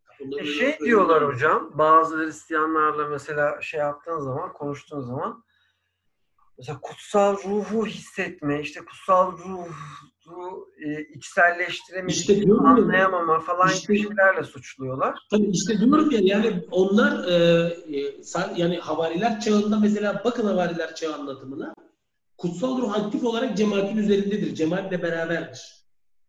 Kutsal ruh. Ya bir nevi Allah'ın hidayet duygusunun oraya Belki öyle tanımlayabilirsiniz. Şey. Tabii. Belki öyle tanımlayabilirsiniz. Yani hissedilen bir enerji, işte bir pozitif bir şey. Anladım hocam. Eyvallah. Ben hissedemediğim için bilemiyorum. Şimdi hocam e, en önemli figürlerimizden biri Hazreti Meryem. Şimdi Hazreti Meryem'le alakalı Kur'an-ı Kerim'de çok belirgin şeyler var ve e, kısa geçilmeden detaylı bir şekilde Cenab-ı Hak Hazreti Meryem'den bahsediyor. Ama İncil'lerde böyle bir detay veya böyle bir şeyden çok fazla hani e, konu arasında adı geçiyor sadece. Hani onun şeyi ahlaki üstünlüğünden ve Allah katındaki üstünlüğünden hiç bahsedilmiyor. E, bu, bu konuda mesela neler var elimizde hocam? Hristiyan teolojisi nasıl bakıyor Hazreti Meryem'e? Bir de şu da var. Mesela e, Hazreti Meryem'in Rab edinilmesi meselesi var Kur'an-ı Kerim. Bununla suçluyor Hristiyanları. Kabaca Hazreti Meryem hakkında Şimdi tabii e, biliyorsun e, Hazreti Meryem e, Meryem annemiz öyle söyleyeyim Meryem Ana Hazreti İsa'nın annesi mukaddes bir insan e, iffetli değil mi? E, bütün kadınların üzerinde kalınmış statü itibariyle işte örnek e, timsal edecek bir şahsiyet yani Hazreti Meryem dediğimiz. Tabi Kur'an-ı Kerim'in e, bir sure, surenin ismi de Meryem ki e, birçok ayette de e, zikrediliyor. Hem kendi doğumu ile ilgili hem e, Hz. İsa'nın doğumu ile ilgili değil mi? Bazı şeyler var, detaylar var. Şimdi e, şeye baktığınız zaman e, erken Hristiyan tarihine baktığınız zaman dört İncil'de e, Meryem'in isminin böyle çok baskın bir karakter olarak zikredildiğini söyleyemeyiz. Neden? Bence bunun iki sebebi var. Birincisi e, İncil'lerin yazarları dünyevi Mesih'ten çok hoşlanmadıkları için onun etrafında onun dünyevi bir e, beşeri bir varlık olduğu anlatısını, e, muhteviyatını e, şey yapan e, rivayetlere eğer ulaşın, ulaşabilmişlerse bile çok hoşlanmazlar bundan. Neyi kastediyorum? Şimdi Meryem'den şöyle bahsedilir. E, Bakire'den doğum.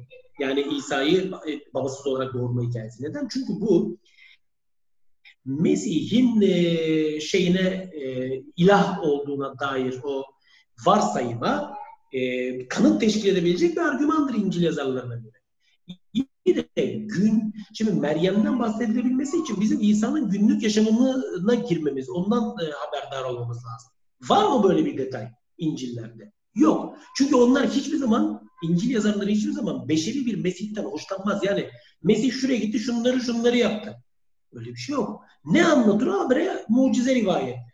Habire mucize rivayetleri. Hatta Meryem'in yer almadığı gibi, Meryem şeyde yer almadığı gibi yani çok baskın olarak ve kardeşleri mesela Yakup örneğinde konuştuk biraz önce.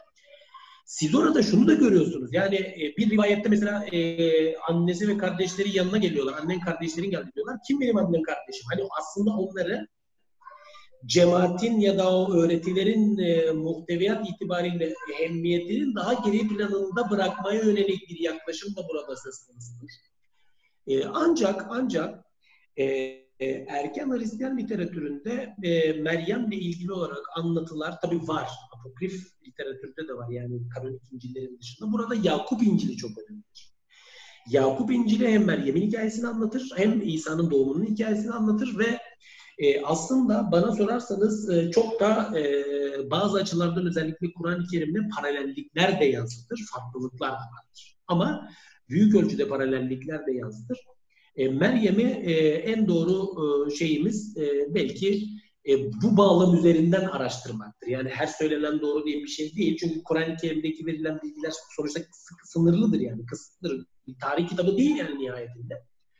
E, Yakup İncil'i mesela tamamen Meryem meselesinden bahseden. Çünkü İsa'nın doğumu öncesini anlatır yani şeyi. E, Kur'an-ı Kerim'de e, tekrar söylüyorum bazı açılardan paralellikler vardır. Yakup İncil'i önemlidir. Meryem'e tapılma hikayesiyle ilgili olarak yani Kur'an-ı Kerim'de verilen ayetin de aslında şey var. Şimdi bunu iki türlü yorumlamak mümkün.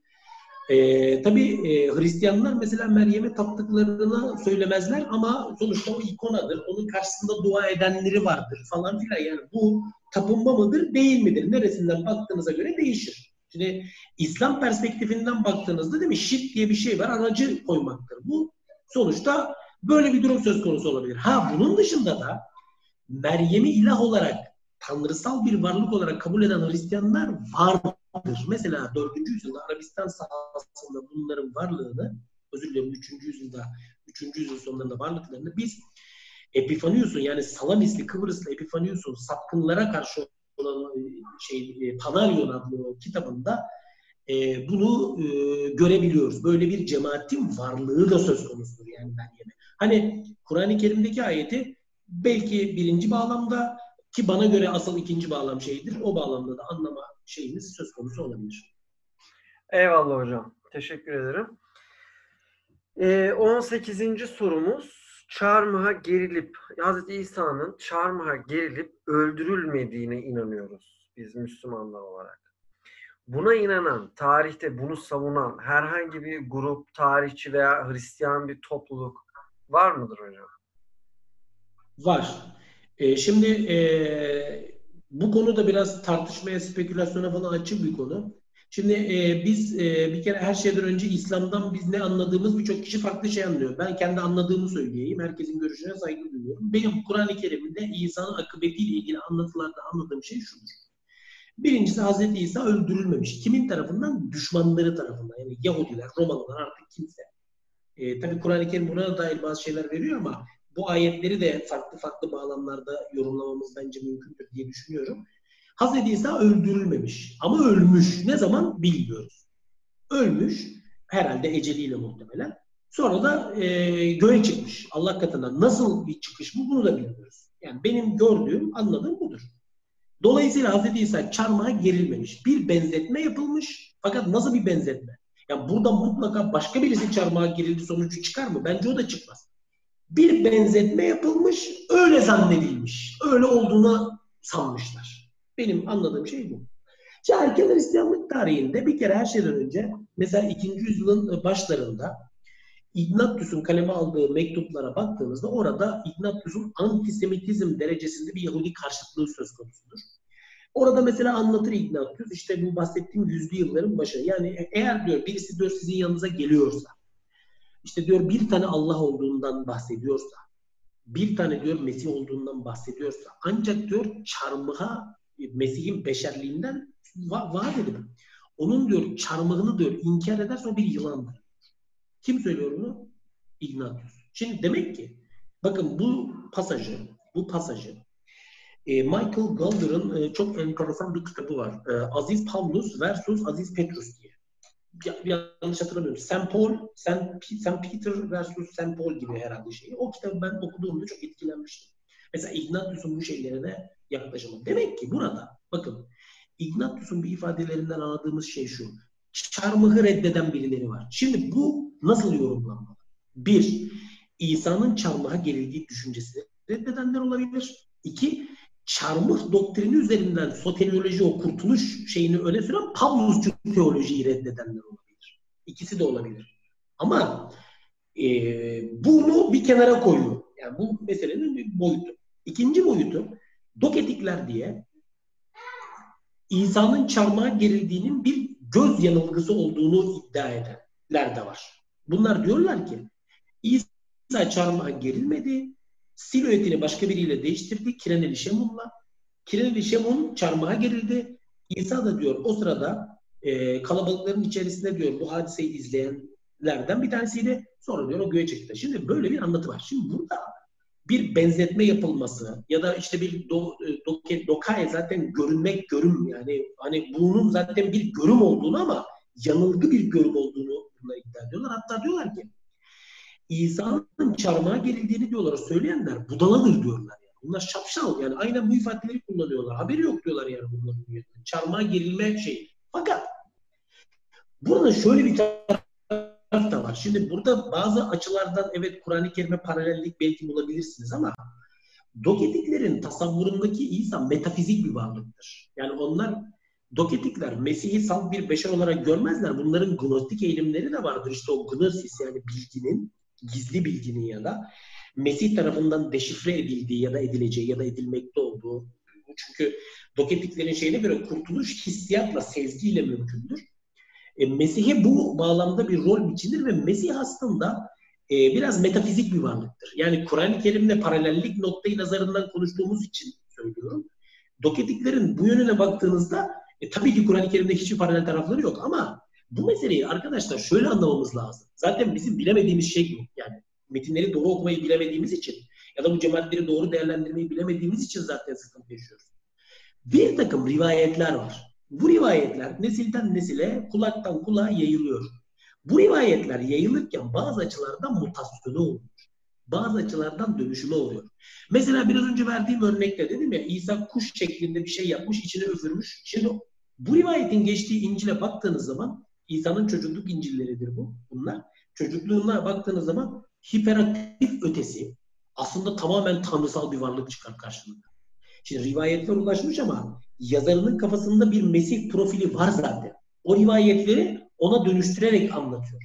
Demek ki buradan anlayacağımız şey şu da şey şu. Erken dönemde Mesih'in çarmıha gerilmediğine inanan bir takım insanlar vardı.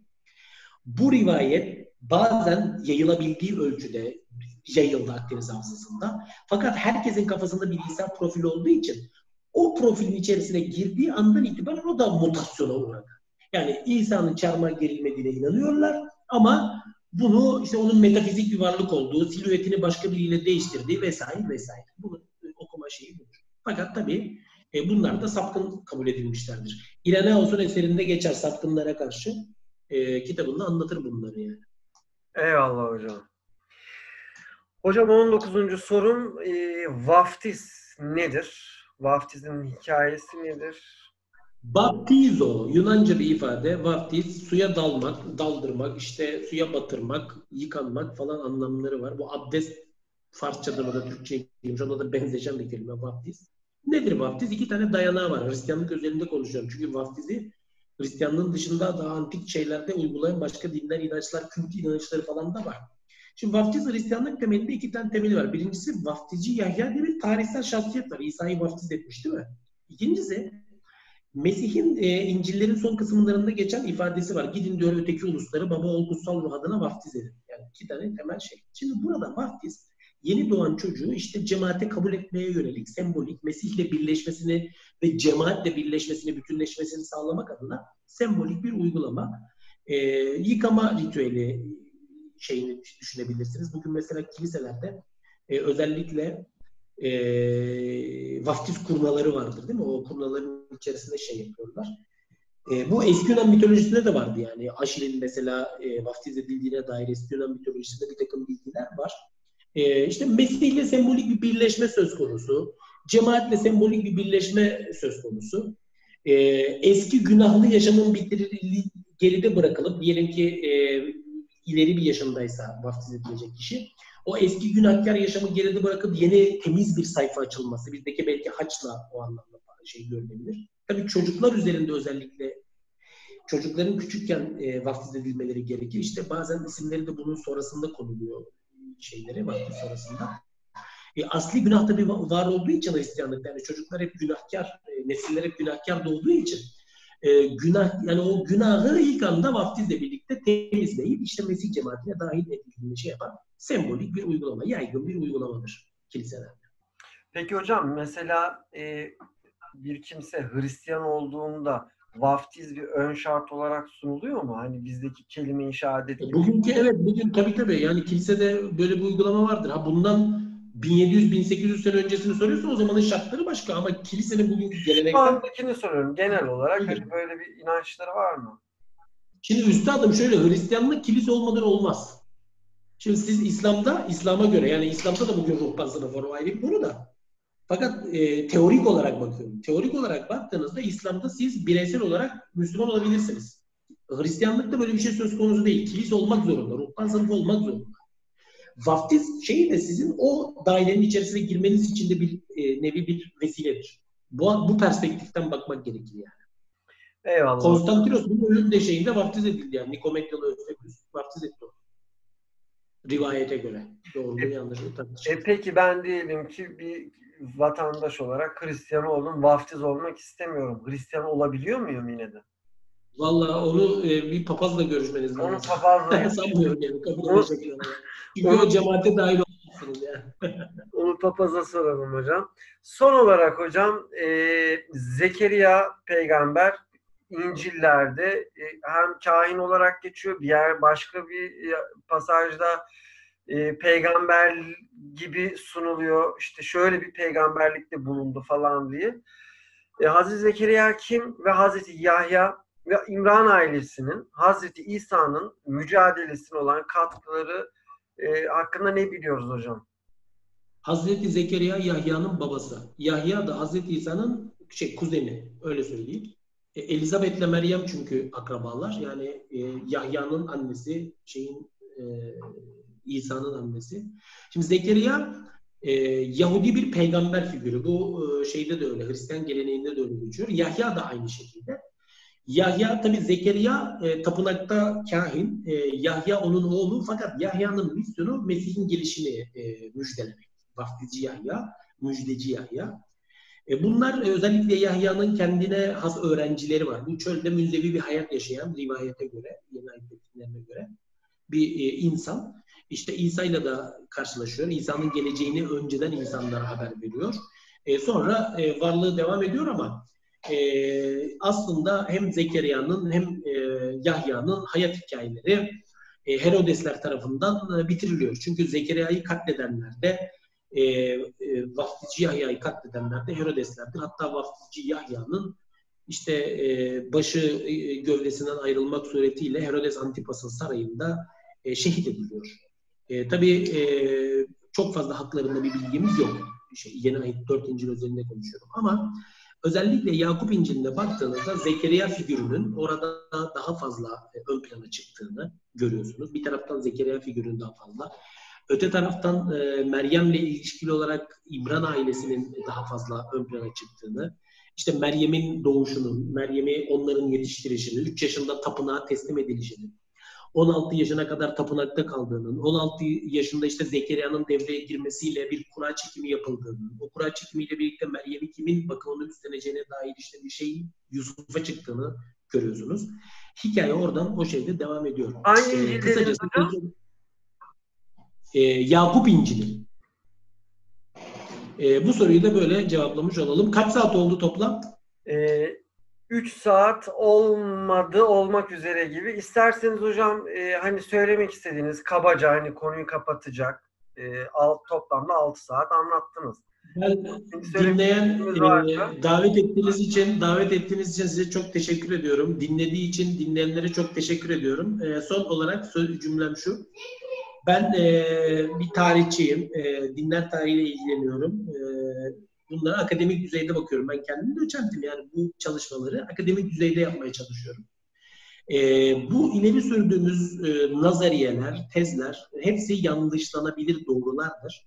E, aynı şekilde e, doğrularımız da e, ya, e, do- doğrular yanlışlanabilir, yanlışlar da doğrulanabilir. Bu iki şey var. E, iki taraflı bir şeydir. Biz e, bilim yaparken yani bilimle uğraşırken objektif bir şekilde, samimi bir şekilde gördüğümüzü resmetmeye çalışıyoruz. Herkesin inancına saygımız sonsuz. Ben kendi payımı konuşuyorum. Gördüğümüzü anlatmaya çalışıyoruz. Bilimsel bir şeyde e, ele almaya konuları çalışıyoruz. E, herkesin fikrine saygılıyız. Ben de kendi fikirlerime insanların e, saygı göstermesini istirham ediyorum. E, herkes e, dinlediği için teşekkür ederim. Herkes Allah'a emanet olsun. Görüşmek üzere. Hocam öncelikle çok teşekkür ederiz. Geldiniz, vaktinizi ayırdınız. Çalışmalarınızda size başarılar diliyorum. Çok teşekkür ediyorum. Dinlediğiniz için de teşekkür ederim herkese. İnşallah faydalı bir video olmuştur. Faydalı bir video serisi olmuştur. Hoşçakalın efendim. Sağ olun. Çok teşekkürler. Sağ olun.